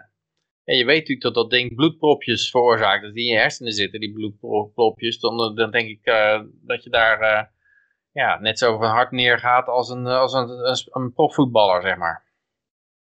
En eh, Uh, Ja, veel meer dodelijke ongelukken wordt ook in de chat eh, ja, er zijn benoemd. Dit is natuurlijk een, een, gevalletje dat bericht kan op zich staan en je weet niet wat het is. Maar het volgende bericht is dan inderdaad van dat er eh, ja, zoveel ongelukken in korte tijd, dat vraagt om een onderzoek. Het is belangrijk om te kijken hoe het bestaat. De wetenschap tast weer in het duister. Clever te maken? Dat eh, eh, eh, Ja, ik had, van, ik had ook iemand die had mij een factcheck laten zien. En er stond in, nee, want deze lijst van 108 voetballers die dood zijn neergevallen op het veld. Daarvan zijn er ook tussen die alleen een hartaanval hebben gehad. Ik zeg, oh, nou, dan heb je inderdaad dan ook net nieuws lopen. Nou, het gaat juist om de, om de toename van... eh, vroeger was het één in het jaar en nu zijn het er zes per dag. ja, en daar, dat, eh, dat laatste bericht Ja, genocide. Ik dat Genocidebeleid. laatste Ik bericht bedoel, wel duidelijk, want dat is, gaat gewoon statistisch gezien in Amerika, dat er, eh, ja wat is het, Eh, dit is wel een beetje ouder, maar eh 18,4 procent eh, eh, meer eh, crashes zijn vergeleken bij 2020. Nou, ik denk dat je straks misschien ook een piloot hebt eh, die gevaccineerd is. En dat er dan een, een ongevaccineerde co-piloot naast moet zitten. Hè? Die het dan over kan nemen. Als, eh, dit Ja, ik had ook nog gedeeld, ik weet niet of die, ik weet niet of die ertussen staat, Johan, maar Mark van Ranst, die had vandaag de opmerking, gisteren stond hij in de krant, het is allemaal de schuld van de gevaccineerden, want die denken dat ze Ja. Eh, met, met schijven, de ultieme gaslighting is dat. Eh, want eh, die mensen die Eh. denken allemaal dat ze nou veilig zijn met een vaccin. En dan gaan ze zeggen, nee, want jullie zijn helemaal niet veilig met je vaccin. Nou, dat, dat zorgt voor een blijvend psychologisch trauma bij al die mensen die daarin dat geloven. Dat, dan, is echt, eh, dat is echt Eh, misdadig. maar ik, ik had het niet van Mark van Dat is Rans gewoon echt verwacht, een- had ik het. eh. Eh, Ja, F- Pfizer betaalt hem. Ja, waarom zeg je dan Pfizer dat je met even, niet nou- eh, de, de, de schuldige bent? Want eh, het komt al. Nee, nee, nee. de- Dan, dan, dan zegt hij uiteindelijk dat eh, doordat mensen de overheid eh, volgden en dus, eh, ja, dus de vaccins blijken toch niet zo effectief. Dus omdat je dan, dus je waande, je was in de waan van dat je veilig was en daarom ging je lekker naar het café met een QR-code. Maar toch was het niet zo veilig als we het graag wilden. En toen hebben we iedereen Ja, wat je besmet. veel hoort is dat mensen die... Ik heb nou ook een aantal mensen die dan overleden waren een dubbel jab. Eh, en die gaan heel laat naar het ziekenhuis. Want ze dachten inderdaad van, nou, ik ben dubbel jab. Dus eh, het zal wel overgaan, of het kan niks zijn. Of het, eh, en, die, en die hebben dan klachten. Dan gaan ze niet meer naar het Ja. ziekenhuis, want ze voelen zich een soort superman met de dubbel jab. En dan gaan ze, pas als het Ja. heel erg wordt, En gaan het ze zal wel bijwerking toe en dan zijn. is het al te laat. En dan eh, zijn ze toeledokie. Ja, maar gaat op een gegeven moment dan ook als Mhm. iemand vraagt van aan een buschauffeur, bent u gevaccineerd? En dat die dan ja zegt, en nou dan pak ik de volgende Ik ga bus wel wel. Wordt dit dan, ga wel lopen? Ja. Hoe gaat dat straks? Ja, ik denk dat dat ook Eh, vooral bij, eh, bij vliegpiloten is het geloof ik zo dat ze één week of twee weken niet mogen vliegen na die vaccinatie. Dat is nog enige bescherming. En dan kunnen ze, maar bij is automobilisten is zo. dat natuurlijk niet. Dus gewoon, en bus, buschauffeurs ook niet. Dus die, eh, die gaan gewoon boem gelijk weer aan de slag. Dus ik denk dat je het veel meer ziet bij, bij eh, chauffeurs dan bij piloten. Maar het is nu toch eigenlijk helemaal geen periode dat mensen geprikt worden of zo. Iedereen die zit nou toch op die booster te wachten. En er is toch Ja, maar eigenlijk dit, nou deze vergelijking gaat over 2021 vergelijken met 2020. Ja, dat is ook zo. Ja, ja, je weet ook niet wanneer het gebeurt natuurlijk. Het hoeft niet eh, de dag daarna te gebeuren. Maar dit- er zijn dus 18,4% meer eh, ongelukken, maar er zijn veel minder kilometers gemaakt. Dus dat is ook nog eens eh, apart. Dus het, eh, hoeveel ongelukken per kilometer is veel Oh, groter. de ik, mensen eh, weg. het bericht. Ja. Eh, eh. Ja, nou, het wordt echt wel. eh, ik ik, ik eh, ben een beetje van de grafieken. En als je dus naar de wereldbevolking kijkt, dan is dat op het moment, in ieder geval tot corona, in een exponentiële groei. En als er iets exponentieel groeit in zo'n grafiek, dan moet er op een gegeven moment een correctie komen. En daar heb ik dus ook al vanaf, nou ja, dat ik bezig ben, schrijf ik daarover. En dan zeg ik, mensen, het kan niet zo zijn dat het alleen maar omhoog gaat. Dus Mhm. nou ja, ik eh, voorzie echt eh, nog een heleboel eh treurigheid, laten we het maar gewoon zo zeggen. Maar En het vorige bericht, ja, dat- dat ging om kan keren ook hier. Ja, maar had het dan niet al lang Nou, moeten vraag ik. gebeuren? eh, Als iedereen ik denk nou niet die dat, dat, niet dat dat Ik kan denk- gebeuren. Ik denk elke keer hoop ik weer dat het gaat gebeuren. Ja, daarom zit ik in de, voor de 110% in de i-gulden. Omdat ik geloof dat die Nederlanders op het dak het doorhebben. Maar ja, kennelijk dus Ze zitten niet ook heel erg vandaag in ieder En geval door al die discussies schraven ze zich eigenlijk alleen maar meer in. Dan kunnen ze niet meer, steeds minder terug. eh. Ja, Maar eigenlijk, Yoshi jij zegt eigenlijk van, als iemand wakker wordt, dan gaat hij meteen van shit, ik ga één gulden kopen of zo. eh. Nou, nee, al- nee, want de meeste mensen die zitten helemaal niet in die hoek, zeg maar. Alleen als je echt Eh. jezelf onafhankelijk wil maken van het systeem, dan moet je ander geld gaan gebruiken. Ja, maar daar kom je Nou, pas en als je dan ja. dat, dat, dat is wat Johan zegt. Er zit nog ook tijd tussen, tussen dat jij... Ik, ik denk, het eerste wat gaat, volgens mij, is die climate change. Als ze vol gaan inhameren op die climate change en mensen vriezen dood in de huis omdat de gasprijs eh, of gas onbetaalbaar is, omdat ze ook niks van Poetin willen kopen en eh, je kan je huis niet meer verwarmen en de blackouts en zo. Ik denk dat het dan, dan, dan de eerste mensen voelen dan een bedreiging van oké, dit kan wel eens fataal worden. Nou moet ik toch echt wel eh, eh, wat in twijfel gaan trekken. Als ze dat eenmaal in twijfel gaan trekken, dan kan de hele zaak meegetrokken worden, eh, stuk voor stuk. Ja, maar het kan ook zo zijn Ja. natuurlijk dat een kleinere groep fanatieker wordt. Kijk, eh, op het moment zo'n eh, minister van Volksgezondheid, demissionair, die, die zegt dan letterlijk, wij, wij weten waar jullie wonen, wij weten waar de ongevaccineerden wonen. En wij gaan iedereen vaccineren, wijk voor wijk, deur voor deur, arm voor arm. Hmm.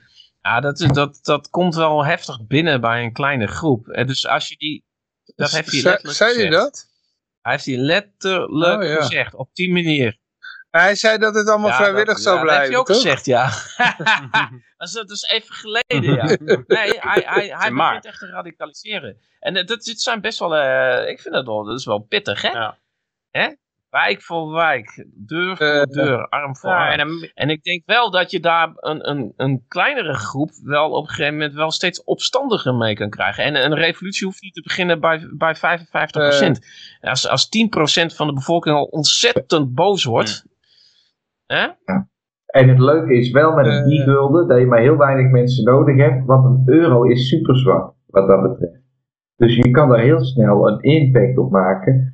Maar ik moet ook zeggen, Peter, want ik dacht eigenlijk dat het dus wel met crypto geld zou gebeuren. En inmiddels staan we op de 60.000. En mensen die zitten alleen nog maar nog steeds te zeggen dat Bitcoin naar beneden gaat. Dus weet je wel, in, Nee, in, eh, dat- ja. in, in Ja, juni. dat kan natuurlijk ook. in juni Als het geld, als er hyperinflatie intreedt daarvoor, dan, dan gaan mensen ook eh, zich, ja, dan, dan is een leven bedreigd. Maar ik denk dat het enige, een levensbedreigende situatie, dat dat het enige is wat nog mensen kan veranderen.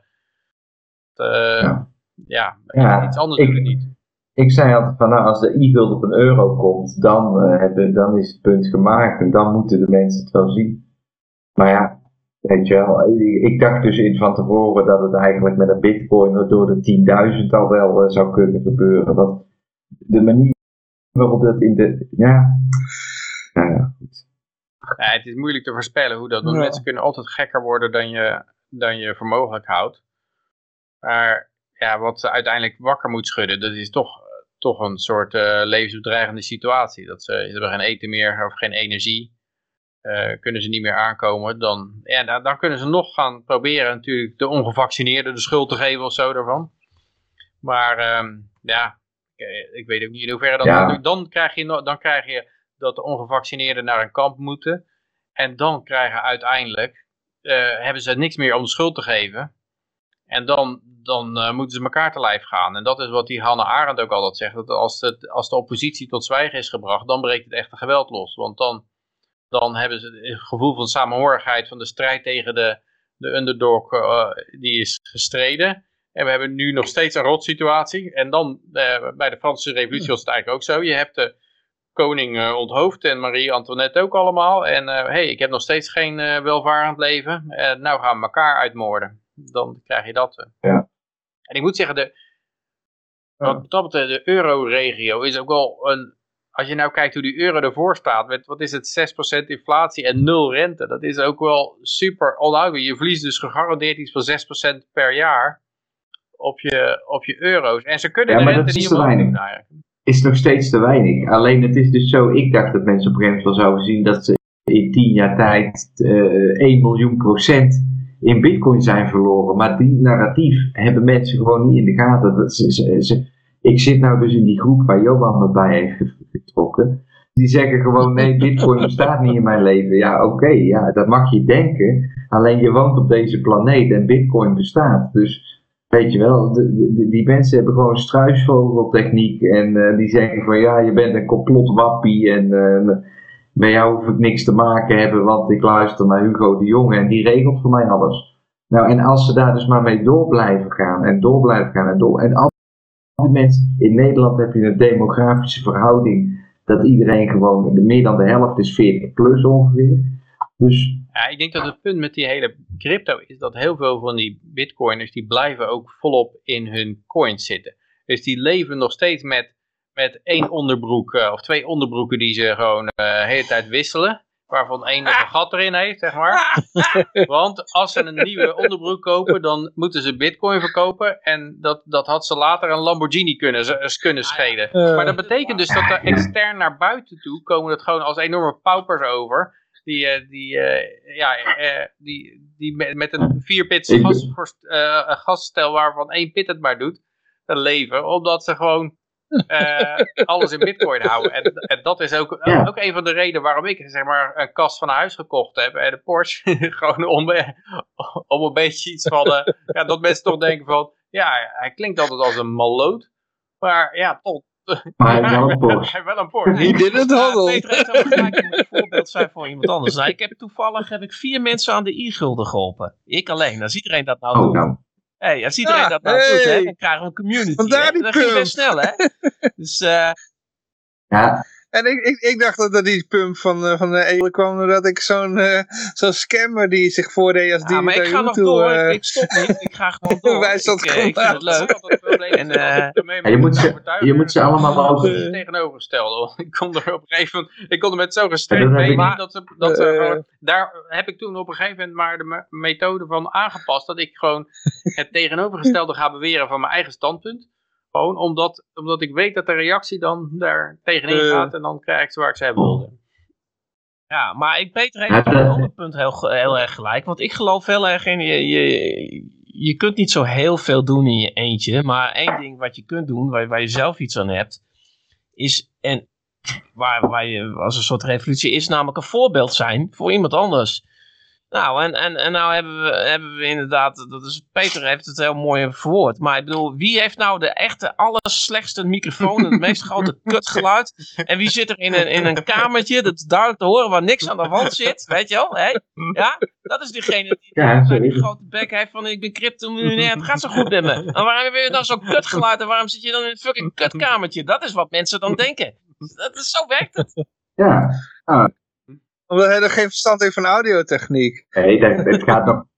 Hij heeft, hij Ja, maar je, dat hebt, is je het hebt toch hele een mic van die 1000 crypto- Ja, euro. verder. Hoddel, hoddel, hoddel. En er zijn een hele hoop van die crypto mensen die lees ik dan. Die zeggen, eh, ik verkoop ze nooit. Zeggen, ik, wil, ik ga gewoon, ik, Ja, ik spaar is- alles uit. Ik leef als een miser om, om dood te gaan met, met, eh, met 100 bitcoin of zo. Ja, eh, Die dan, die Ja, dan 6 maar miljard waard zijn, maar waar heb ik nooit enig plezier in mijn leven van gehad dan. En ik ben de codes kwijt, omdat ik op een gegeven moment de mensen de deur ben. Ik kon zelf niet aan mijn kinderen geven. Ik was niet meer...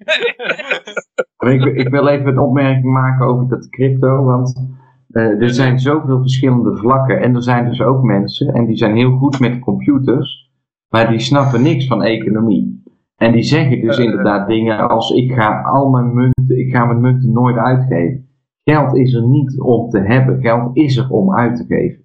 Ja, maar je moet, precies. hè, je moet er iets mee doen. En Je hebt aan geld zelf niks. Het is jouw creativiteit die je tot uiting brengt wel, met dat zijn dat ook allemaal geld. hele jonge mensen En- natuurlijk, dus die hebben dat nog niet door. Op een gegeven moment, als je ouder wordt, dan denk je toch al van, op een gegeven moment van, ja, wacht eens even, het is wel leuk allemaal, vermogen opbouwen.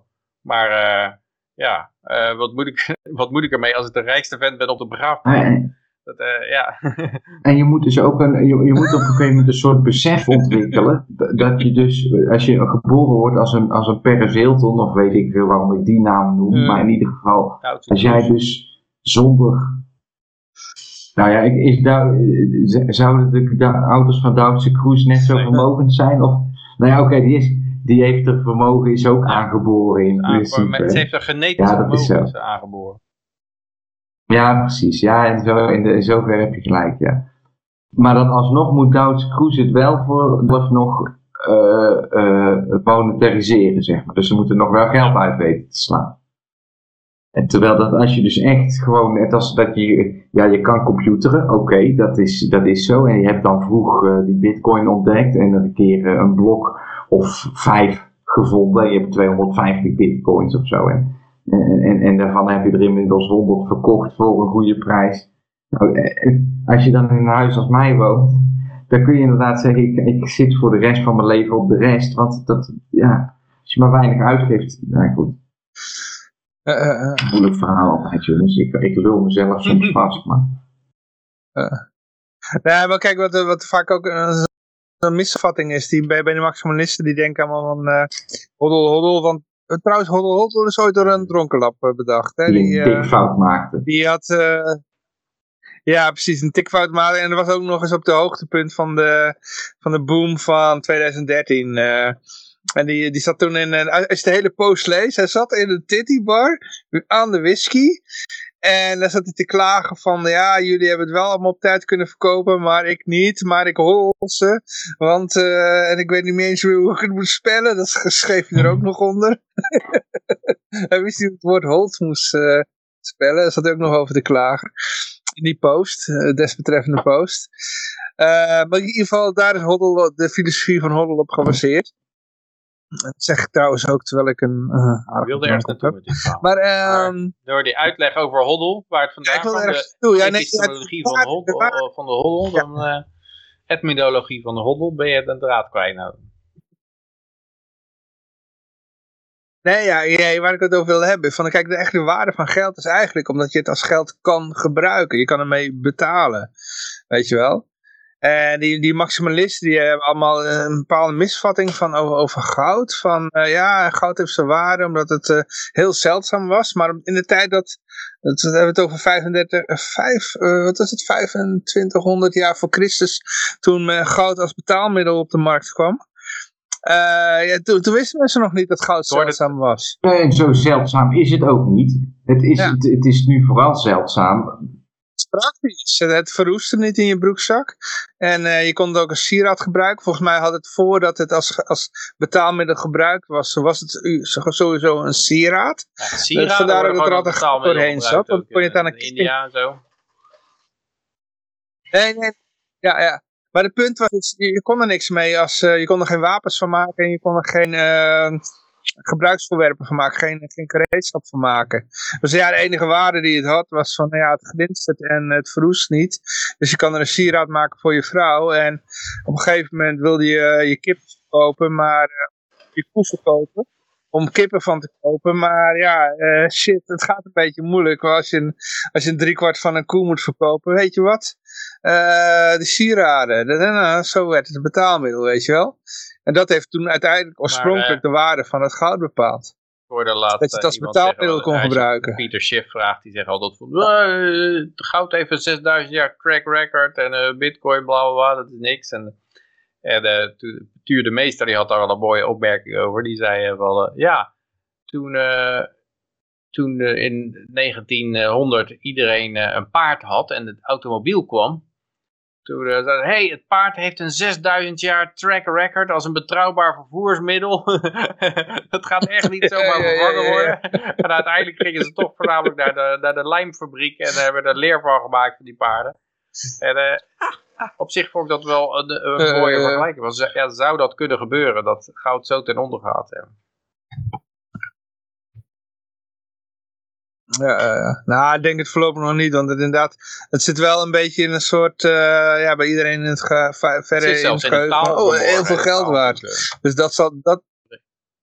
Ja. De gulden. Maar dat verhaal zal nog heel lang voortduren. Ring is uh, zilver, zwijgen is goud, dat soort dingen geeft gewoon, er zit een waarde in het, in het taalgebruik helemaal verborgen. Mm -hmm. De diamant heeft geen enkele waarde eigenlijk. Dat is gewoon artificial, uh, kunstmatig omhoog gehouden, dat sprookje van diamanten. Want diamanten zijn er echt heel veel van. Uh, het is alleen, uh, het is door de, de Beers Diamond Corporation wordt de illusie hoog gehouden dat de diamant heel veel geld waard is. Maar ja, ik denk ook wel dat als de diamanten als betaalmiddel gebruikt zouden gaan worden, dat, worden ze heel snel Nee, dat ze juist uh, ontzettend in waarde stijgen. Want dan is er ineens... Nee, het punt is, het punt is je kan de diamanten kan je alleen kopen. Maar als jij diezelfde dure diamantring wil terugverkopen, dan ja, krijg je er helemaal okay. niks voor. Dan wil je ja, het niet eens dat, aannemen. Dat snap ik. Alleen ik bedoel ja. te zeggen, als het, als het voor een functionaliteit als geld gebruikt zou worden, komt er ineens wereldwijd zoveel vraag naar. Dat, Oh, die, dat bedoel je. Ja, ja, ja maar die, die waarde is ver onder de, de werkelijke waarde. Want kijk, het punt is van uh, di di diamanten, daar is gewoon gigantisch veel van. Die kun je overal vinden eigenlijk. Dus, uh, ja, maar we hebben ook heel veel transacties te doen elke dag. Ja, we hebben ook heel veel transacties maar, uh, te doen met elkaar elke dag. diamanten zijn in principe, een, een, kun je als goede vorm van geld gebruiken. Want ze zijn, net als goud, kun je ze in verschillende vormen en zo. Oké, okay, het is was misschien wat lastig om. Uh, en je hebt wel wat meer verlies dan met je gaat slijpen en zo. Maar ja, uh, nou ja. Ik, ik snap je verhaal hoor. Ik weet wat je zegt en dat klopt ook. Dat klopt ook. Ja, die, ja, ja. die- de meeste diamanten die komen nooit op de markt. Die worden gewoon allemaal eh, afgevangen. Ja, die zijn allemaal opgeslagen bij eh, de kartel, hè, de beurs. Ja. Maar eh, ja, we gaan even naar Epstein, de zaak van Epstein toe. Ehm even kijken hoor. Oh ja, dit gaat over die rechter, ja. Dus het- De rechter, daar heb ik zo meteen nog wat eh, andere berichten over. Eh, in ieder geval die, die rechter in de zaak van Ghislaine Maxwell, die wil niet dat die, eh, de details naar buiten komen. Heb je meteen zijn even wat- te onzuiver. Eh, Maxwell was de handler hè, van... eh, Ja, ja, ja, ja. Dat is van de Ja, hand- ja, de handler, maar, ja, bij de handler wordt over het algemeen Wat? iemand bedoeld. De handler van, eh, van eh, eh, een of andere filmster of zo. Is, is Ja, dit is Ja. meer de co-conspirator. Ja, precies. recruitment, Waarschijnlijk- waarschijnlijk- eh, recruitment officer. ja, wa- waarschijnlijk koos ze Eh. de vrouwtjes zelf uit. Eh, Nee. Maar eh, wat ook nog interessant is aan deze, dat de, dat de procureur, de aanklager van dit, eh, van Maxwell, is de dochter van James Comey, van de ex-directeur van de FBI. hè. ja, ja. Dat is natuurlijk ook nog wel de... En die dook ook op in een andere zaak. Oh, hij is, hij is aan het laden. Ja, hier is hij, hè, hè. Mijne. Deze, ja. Ik denk niet dat er hier ook maar iets van recht gesproken Maar- gaat worden. Laat ik daar maar even zeggen. Nog zelfmoord plegen of niet? Of, eh, Nou, ik denk dat ze dit eerst, dat ze haar even, dit, dit, dit, ja. En sowieso, dus er, er mogen geen dingen naar buiten komen, want eh, het publiek mag het niet weten. Want het is, het is te, te onzuiver en te schokkend of eh, zoiets. Nog las ik er nog wat van, eh, En van iemand. Sensationeel. Ja, er komen wat dingen, maar dat is dan nog... Ja, dat is, dat is, dat, dat is nog... eh, dat kan het publiek dan nog aan. Maar ik denk dat er eh, heel veel feiten van met wie, wie ze allemaal bedienen, dat, eh, dat komt dan niet naar buiten toe, weet je wel. Maar hier nog, hier nog, zij was ook nog betrokken in de, waar we het net over hadden, die dochter van Coney. Die was ook nog betrokken in de, dat andere incident met Epstein. Eh, die het verdwijnen van die videobeelden over zijn Ja. zelfmoord. Is zij ook Ja. gezorgd? Daar komt haar naam. Ja, ehm, daar is mede De appel valt verantwoordelijk niet ver van de boom. De videobeelden. Nee, nee, nee. Dat heeft ze waarschijnlijk van iemand geleerd, denk ik. dus ja, het is. eh, Ik denk dat het recht niet gaat zegenvieren hier. eh. Ja, dat sowieso niet. Maar je vraagt nog steeds af hoe dat dan gaat lopen. Wordt er, komt er een vrijspraak uit? Is opeens een zelfmoord? Is, het, eh, is ze opeens slachtoffer geworden, zeg maar? Van, nou, eigenlijk is het toch zelf slachtoffer. Ik denk niet dat ze dat trucje Nee. een tweede keer gaan proberen. Ik denk dat ze nu echt zo gaan doen. Ik denk dat ze nu zo gaan doen dat ze het even gaan begraven in de, in de media. Dus dat, eh, ja, dat een stilte voorbij gaat, zeg maar, of zo. Dat, dat, ik bedoel, dat hebben we toch ook gehad toen met de, de Martin Luther King zaak. Van dat, dat de FBI uiteindelijk het dodelijke schot had gelost op Martin Luther King. En dat ze die, die andere gast die dan officieel opgepakt was. Die, eh, ah, ik weet zijn naam niet meer. Die, eh, ja, dat was gewoon een dronkenlap, die hadden ze daar neergezet. En die, is toen, die heeft toen de schuld gek- gekregen. Terwijl het werkelijke dodelijke schot op Martin Luther King, dat was geschoten door een FBI-agent. Die rechtszaak speelde dus op hetzelfde moment toen iedereen zich druk maakte over de spermavlekken op de, op de jurk van Monica Lewinsky. Snap je? En dat is helemaal, bijna niemand weet ervan. Omdat het gewoon helemaal begraven in, al het, eh, in de sensatie over die eh Clinton-zaak. En dat is ook toen met die, eh, wat toen ook nog speelde was met die, met die andere gast, die Gary Webb. Dat is toen ook aan iedereen voorbij gegaan. Snap je wat ik bedoel? Ik had het even gemist. Ik was eventjes... de, ik moet altijd doorstromen. Oké. hè. Dus ik moest even... Ja. Dus ik had... Nou, wat ik in ieder geval zei is van, ik, ik vermoed dat die zaak, wat we nu hebben om even een vergelijking te maken. Je had toen met die, die zaak over die, eh, die jurk van Monica Lewinsky, van, weet je wel, met de spermavlekken van Bill Clinton erop. Iedereen maakt zich daar druk over. En in diezelfde moment waren er een aantal andere zaken. En bijna niemand weet dat. Dat was bijvoorbeeld wie was de echte moordenaar van Martin Luther King. Dat is toen naar buiten gekomen. Dat stond op Ja, pagina ja, nummer dat soort dingen 50 doen van de krant. vaker. Ergens heel. Maar de- ik hoorde hier mensen zeggen van, ah, let op. eh, die hele Omi- om, om, eh, Mor- moronic variant is bedoeld om de aandacht af te leiden van het Ghislaine Maxwell proces. Maar dan heb je ook weer mensen die zeggen, oh, het Ghislaine Maxwell proces is bedoeld om aandacht af te leiden van eh, dat. Dus ja, je, je weet dat nooit eh, zeker wat nou voor wat bedoeld is. Of wat, ja.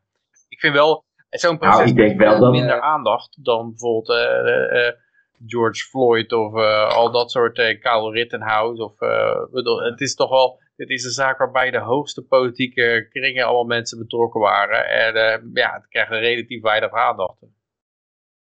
Maar ik vind toch dat er Eh, nog best ja. wel wat aandacht voor is. Ook in Nederland. En dat eh, vind ik toch wel bijzonder. Want ehm, Ja, die MeToo, die MeToo dat wel aandacht. een beetje is- door, door politieke lijnen heen. Hè? Dat is al eerder gebeurd. Ook die, die filmmaker toen, die, eh, die filmproducent, die, eh, die, eh, zijn een paar, ook bij de Democraten zelfs een paar koppen gerold. Dat is toch wel bijzonder inderdaad, dat, ze- dat het niet helemaal over politieke lijnen loopt. Van, ja, er worden alleen maar democraten gepakt.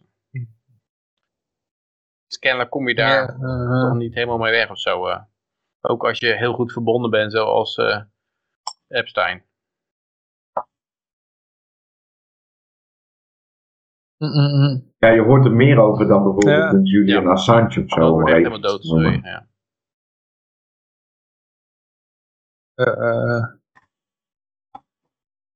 Hoe gaat het nu met hem eigenlijk? Ja, ik had daar wel. Er is laatst een update gekomen, want hij is eh, eind oktober is er wat gebeurd.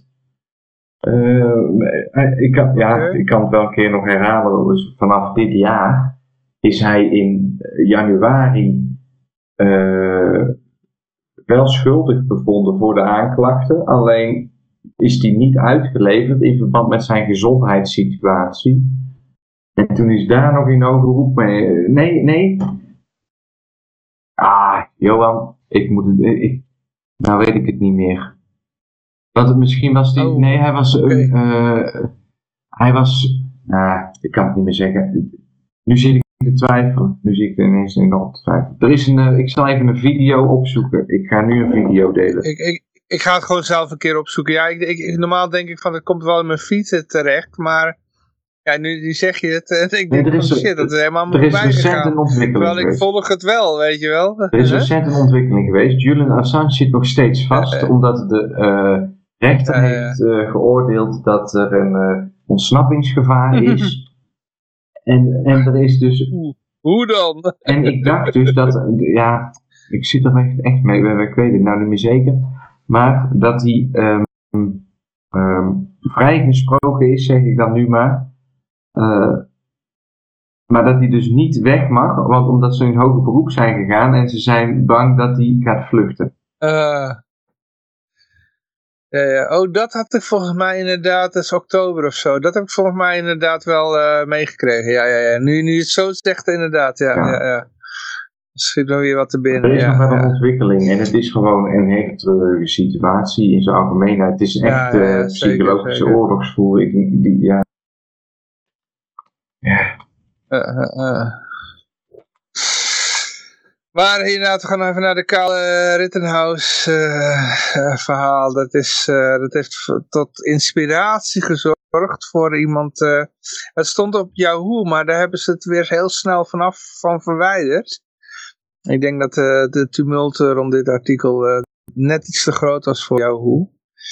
Ik moet even bij zeggen, Yahoo is in eh, tien jaar tijd van... eh, in marktwaarde van 46 eh, mil- miljard naar eh 14 miljard gedaald. Volgens mij is het nou 4,5 miljard of zo, hebben ze het uiteindelijk overgekocht. Maar in ieder geval, Carl eh, Rittenhouse is eh, proof that white women, even kijken, de white women eh, bear, white win- women birth eh, white supremacy, while black mothers birth Ja, It's dus victims. witte, blanke vrouwen ge, ge- maken witte supremacy eh, kinderen en, en eh, zwarte Baren, moeders baren slachtoffers. Ah.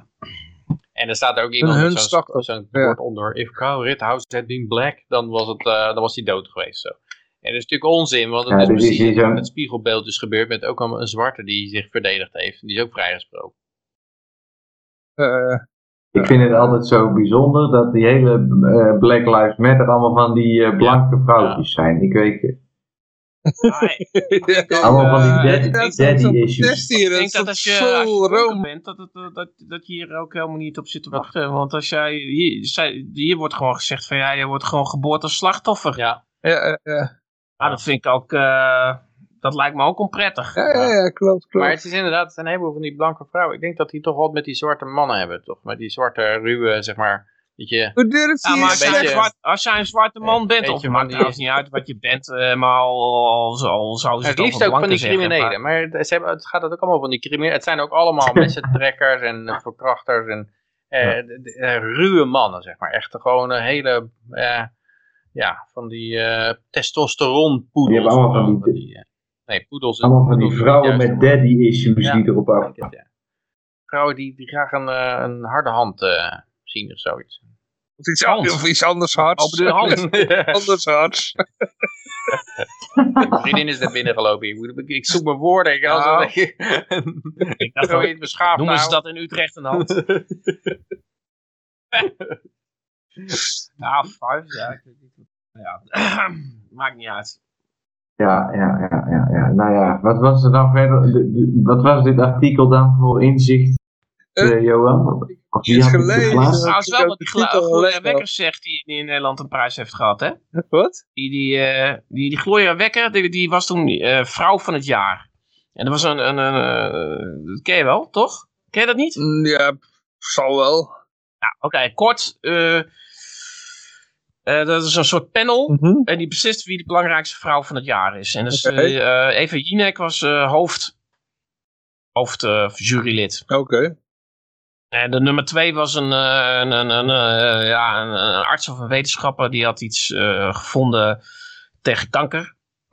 Nou ja, en eh, dat, je, je moet de nummer twee hebben om de nummer één belangrijk te maken. En de nummer Ja. één was dan de Gloria Wekker.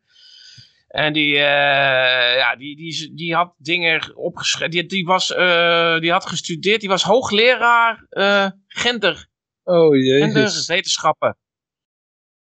En eh, het enige wat je daarmee kunt is Niks. daarna, als je, dat, is, eh, als je die studie hebt gedaan, dat je dan hoogleraar genderwetenschappen wordt. maar, eh, maar anyway, eh, maakt niet uit. De- die had een, eh, die had een eh, boeken geschreven en die had daar daarin dingen gezegd als eh, als je blank bent, dan eh, een baby is gelijk een, eh, een eh, wordt, eh, nou, dat wordt een racist, omdat hij namelijk opgevoed wordt met het idee dat blanken superieur zijn. Dus je wordt geboren als racist. En eh, ze had ook eh, iets gezegd eh, van ja, de holocaust-herdenking. Ja, dat was eigenlijk ook maar een beetje fout. Want ja, dat waren allemaal blanken die daar gesneuveld waren. En dat gaf dan toch te weinig aandacht. Het was alleen maar omdat ze blank waren. Er werd te weinig aandacht geschonken dat er ook donkere mensen hebben geleden. ergens op andere plekken van de wereld. Dus aan mij kwam er eigenlijk op neer dat alles racistisch was. en, en, toen, en toen kwam die Gloria Wekker, die, die, die had dus die prijs gekregen. En die kwam dus bij Jinek. Nou, dan denk je leuk. Dan kun je mooi daar vragen over stellen over dat soort dingen. Nou, nee hoor, het was alleen maar. En hoe voelt u zich nu dat hij die prijs heeft begonnen? Bijvoorbeeld, Was je ook verbaasd en was, was u blij en zo? En dat was, dat was het gesprek bij Jinek. En, Maar- en degene die geïnterviewd werd, die zei niks over de huidskleur van Jinek. Nee, het viel me trouwens op. Het viel me ook op dat die Gloria Wekker. Die, was, die was net zo blank als ik. Eh, oké. Eh, als, ik, eh, als ik drie weken naar Ameland ga en op het strand ga liggen, dan. dus ze vond zichzelf zwart. Nou, ik dacht, is er iets met mijn tv aan de hand? Maar goed, maakt niet uit. Dat weet ik niet toe. Ja, je had toch ook iemand uit Oost-Europa, die, die zich dan voordeel, de voordeel als een indiaan of zo. God, ik weet niet meer wie dat was, maar die is toen ook door Ja, de man gevallen. Ja, ja, ja. Maar het, het, het punt is, dat dit is, dit is natuurlijk, dit, eh, dit is internationaal, deze, dit soort wokeness. Dit is, eh, Mhm. zo'n Gloria Wekker is dan de, de Nederlandse eh, Variant, Ja, de Nederlandse dit variant. soort, eh, dit soort racisme. Want het is natuurlijk gewoon racisme. Ja, ja. wat moet je het anders... Zodra je Ja. over En dan- huidskleur zeurt. eh, Ja, Ik ook Precies. iemand die zei dat Ja. eigenlijk hebben die white supremacists en die die, eh, die eh, critical race eh, theory figuren, die hebben gemeend dat ze allebei geobsedeerd zijn door ras. En er nog, stonden nog een aantal dingen in, Ja. maar ja, het is eigenlijk het spiegelbeeld van hetzelfde, van hetzelfde Zo vind ik ook al die eh awardshows die er nou overstappen op, eh, op, op genderneutrale awards. Dus geen beste man en beste vrouwelijke acteur, maar beste. Ah, eh, bij- eh, hoe zeggen ze dat dan? Mens. De, nou, weet Geen idee. mens, te- mens Dus zo die awardshows kunnen Ja. ons nooit een fuck schelen, want het allemaal rol, meningen beste van een rol. select groepje, weet je wel. Dus ja, hoe de fuck cares? Maar dat zijn ook gewoon, dat zijn allemaal seksisten. Want als je daarop gaat selecteren, als je daar weigert op te selecteren, ja, nou dan heb je ook een eh, frustratie ergens, weet je wel. Dus Maar ik heb me wel zitten is nadenken, zo wat is nou hypocriet, erger? hè? Hè? Wat is nou erger? Want kijk, het, het, het, het allerergste twee piemels, twee piemels is het dat is het allerergste. maar zij, zij, in hun optiek is de, zeg maar, de, de, de blanke man, heteroseksuele blanke man, die eh, zijn eigen geld verdient, dat is, dat is echt het aller, aller, allerergste. Dat Ja. is de hoofdonderdrukker. Ja. En daarna krijg je een soort zieligheidsladder en dan... eh, nou ja, en, dat, en dat komt natuurlijk ook. Maar als die twee piemels heeft, als die twee piemels heeft, is het nog erger. Dat, eh, Ja, dan kun je met je linker en je rechterhand afrukken. Zo, eh. twee keer zo erg is het. Maar het komt, het komt ook omdat het gewoon, het is een, eigenlijk een afpersing. Ik ga iemand zich schuldig laten voelen en daarna ga ik hem zijn geld eh, afhandig maken. En dan, dan neem ik die, Ja. dat neem ik dat schuldgevoel weg. En dat doe je natuurlijk bij mensen die het meeste geld hebben. Dus je gaat naar, en da- daarom denk ik ook dat de Aziaten als volgende de lul zijn. Want die, die, eh, die zijn daar aan het overnemen. Een heleboel man, de ho- zelfmoordpercentage onder witte mannen is, het, is vrij hoog.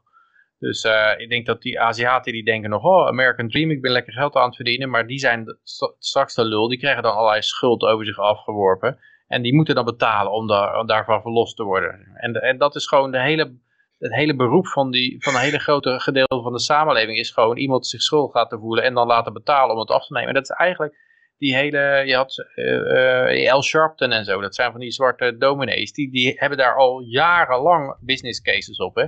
Die gaan naar zo'n bedrijf toe die noemen het racistisch, die gaan met de men, mensen staan te demonstreren daarvoor. Dat bedrijf die denkt, ja, daar, hebben we, daar zitten we niet op te wachten. Eh, hoeveel moet je hebben om ergens anders naartoe te gaan? Eh, nou ja, dit bedrag, dan eh, gaan we wel ergens anders naartoe. Hupsakee. En zo ga je, daar kan je gewoon een hele business case van maken. En op een gegeven moment groeit dat uit tot een enorme industrie. Dat is er nou gebeurd. En die industrie die gaat natuurlijk de mensen met het, met het meeste geld gaan ze proberen eh, het meest schuldig te laten voelen. Ja, maar ik vraag me af eh, wat erger is. Want ik, ik kan me ook wel voorstellen dat als hè, de andere kant is dan dat je een slachtoffer bent. Maar volgens mij is dat ook is dat helemaal geen gunstige positie. Nee, nee, nee. wat zou je nee. zeggen? Als jij, als jij zwart bent, dan ben je eigenlijk al verloren. Want Ja. bent een- je, je bent een eh, victim. Hm. En er is gewoon... Nee, maar dan, dan, ga je dus, dan ga je dus vanaf dat moment racistisch doen. En dan ga je zeggen, we gaan Ah. quotum instellen. En eh, we willen alleen nog eh, eh, zwarte vrouwen eh, Nee, als... nee, nee, nee, eh, nee, gaan we nee. alleen Ik heb, eh, ik heb toen eh, Frank Kast een keer in de uitzending gehad. Die heeft daar nog een boek over geschreven. Ja, ja. Zijn conclusie was dat het uiteindelijk eh, averechts werkte. Ja. Dat bedrijven juist liever blanke mannen in dienst nam. Ja, want, want wat er gebeurt is dat je, je niet meer weet of iemand echt zijn diploma gehaald heeft op vakkennis of dat hij het op eh, brownie points gehaald heeft, zeg maar. Nou, nee, nee. Het punt was dat de, degene die zeg maar, eh, zich eh, snel gediscrimineerd voelde, willen ze liever niet hebben, want ja, die kunnen zich snel gediscrimineerd voelen en een schadeclaim indienen. En met blanke mannen zitten ze veilig. Snap je? Ja, dat ook, dat ook, ja. Maar het is ook, je moet ook weten wat een diploma waard is. En als je met die, met Eh. die brownie points een diploma kan halen, dan weet je ook niet wat het waard is. Ja, dat ook nog, ja, inderdaad. Ja, ja, ja. Dus dat, eh, dat is ook nog zoiets, ja. Dus op zich, wij, wij moeten niet klagen hierover. We moeten wensen dat er meer van komt. Nee, maar het is net als met die democraten, die, die zijn dan tegen die... eh, Huh? die, bij die verkiezingen zijn ze er erop tegen dat, dat mensen allemaal een paspoort eh, moeten hebben en, eh, en dan daarmee naar het stembus gaan. Zeggen ze dat is racistisch. Want eh, er zijn heel veel zwarte Amerikanen en die, die hebben geen internet en die weten ook niet hoe het internet werkt. En die kunnen dat allemaal niet regelen om een ID te doen. en je schildert ze gewoon af als een steltje fucking kleuters. En diezelfde naar Nigeria Amerikanen, als gaan. ze, een fles drank, als ze een fles drank willen kopen, dan hebben ze wel een ID nodig, weet je wel. En, eh, Eh, of, of straks met die COVID-pas. Maar, maar ze zijn dan zogenaamd, te- ze, zijn, het, ze worden als, als bijna een soort dieren afgeschilderd. En ik, ik bedoel, dat is, dat, is, dat is nogal heftig als mensen zeggen van ja, jij hoort bij een bepaalde bevolkingsgroep, die is zo dom, die weten niet hoe internet werkt, die weten niet hoe ze een ID Ja, moeten en ook natuurlijk de, ik vind dat nogal eh, beledigend. Er en zijn wel ook die moet wezen voor een valse ID. en ook de types die steeds in beeld komen. Hè, dan, eh, dan, eh, ja, dan, i- dan is het weer... Kijk, het is één keer geloof ik met die Icon Brief. Dat was een hele degelijke vent. Die, ben zijn naam even kwijt. Maar die stond gewoon sigaretten te verkopen. En die werd ge, gewurgd eigenlijk. Maar voor de rest waren dat gewoon allemaal uitschot. Mensen die veroordeeld waren voor afpersing of voor bedreiging van een vriend. Meestal seksuele bedreigingen van vriendinnen en exen. En, eh, en ja, dat soort figuren die worden dan steeds voor je neus gesleept als, als, als helden. En dat is natuurlijk ook iets heel raars. Hè? Dat, dat, een beetje degelijke zwarten die zullen ook wel denken van eh, ja, eh, lekker dat we zo in beeld gebracht worden steeds. En, en je kan niet zeggen dat het discriminatie is, want ze worden allemaal als helden neergezet. Maar ondertussen is het allemaal enorm uitschot. En dat blijft dan natuurlijk toch, achter, toch hangen achter. eh, want die volgende vent, om een berichtje door te slippen. Ja, ja, Die, ja, eh, ja. die heeft u Keesha met een, met een SUV een heleboel mensen doodgereden op een eh, kerstmarkt. En eh, nou, als, je, als je zijn gezicht Ja. al ziet, ziet hij eruit al als een beetje als die, eh, die vent die eh, met dat hakenkruis in zijn hoofd. Ja, dat kan je niet eh, hoe heet die ook weer? Die, eh, ja, die, Lil Wayne of zo? Nee, van, van 40 jaar geleden al. Ik geloof dat hij nog steeds leeft ergens in de gevangenis. Maar die heeft toen, die had van die, allemaal van die meisjes eh Nederland, of ook een... um, van Charles Manson. Oh ja, ja. Ja, Charles Manson, ja. Oh, Oké. lijkt, hij, oké. lijkt hij een beetje op in zijn ogen, maar, maar die, eh, die rijdt ook gewoon ook mensen dood. En die, kwam, die, die, wa- die was ook al veroordeeld voor, eh, voor ja, of hij werd gezocht, voor, ook voor allerlei aanslagen en geweldplegingen. En een hele lijst met, het was echt super foute verhuur. En, eh, en, dan, en dan gaan ze ook nog een GoFundMe-pagina voor oprichten voor zijn defensie. Dat werd al wel door GoFundMe onderuit gehaald. Die heeft trouwens ook die van Kyle Rittenhouse onderuit gehaald, die eh, GoFundMe. Terwijl die toch veel terechter was. Eh, Maar eh, ja, dan wordt er gezegd dat nog hij even over een, eh, slachtoffer is van een racistisch eh, rechtssysteem. Mhm. maar ja, goed, hij is bijna blank zou je zeggen, toch? Nog even over die Rittenhouse. Daar, daar hebben ze nou een eh, documentaire over gemaakt. Hè? Die, eh, hoe heet die? Van de Fox News. Fox News. Ja, daar kan ik, ik zie honderd films, ik zie hem honderd keer per dag. Ik komt er nooit vanaf. Ja, ik weet wie je bedoelt. Ik kan ook even niet op de naam komen. Nou, die heeft daar een, Oh, eh, terwijl dat het, ja, Pieter Carlsen, die heeft tijdens dat het proces, die ja, heeft, dat- ja, ja, die heeft dat, eh, die heeft tijdens dat het proces speelde, heeft die, eh, die Rittenhouse gevolgd. En daar hebben ze nou een documentaire over uitgebracht.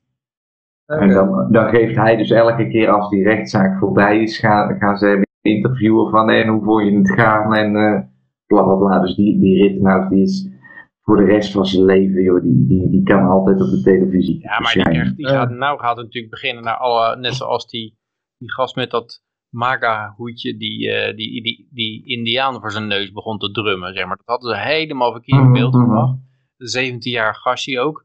En die werd, eh, of, of nog, nog jonger geloof ik zelfs, die werd helemaal afgeslacht. En er werden eh, mainstream media, van die blue Twitter marks, die zeiden, ja, je moet hem door de papiersnipperaar gooien en zo. En ze hadden allemaal ideeën erover. En als je het filmpje in context zag, dan klopte er geen zak van. Dus toen is hij, heeft het aangeklaagd. Hij heeft allemaal schadevergoedingen verkregen. Hij heeft miljoenen aan schadevergoedingen. Ja, volgens mij is het voor dit, deze case is het nog meer.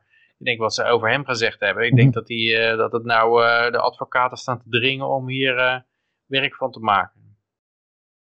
En op zich is dat wel goed hoor. Als al die, eh, mediabedrijven die zo liegen, als die gewoon flink moeten betalen daarvoor. Nou ja, zou, eh, zou niet verkeerd zijn denk ik.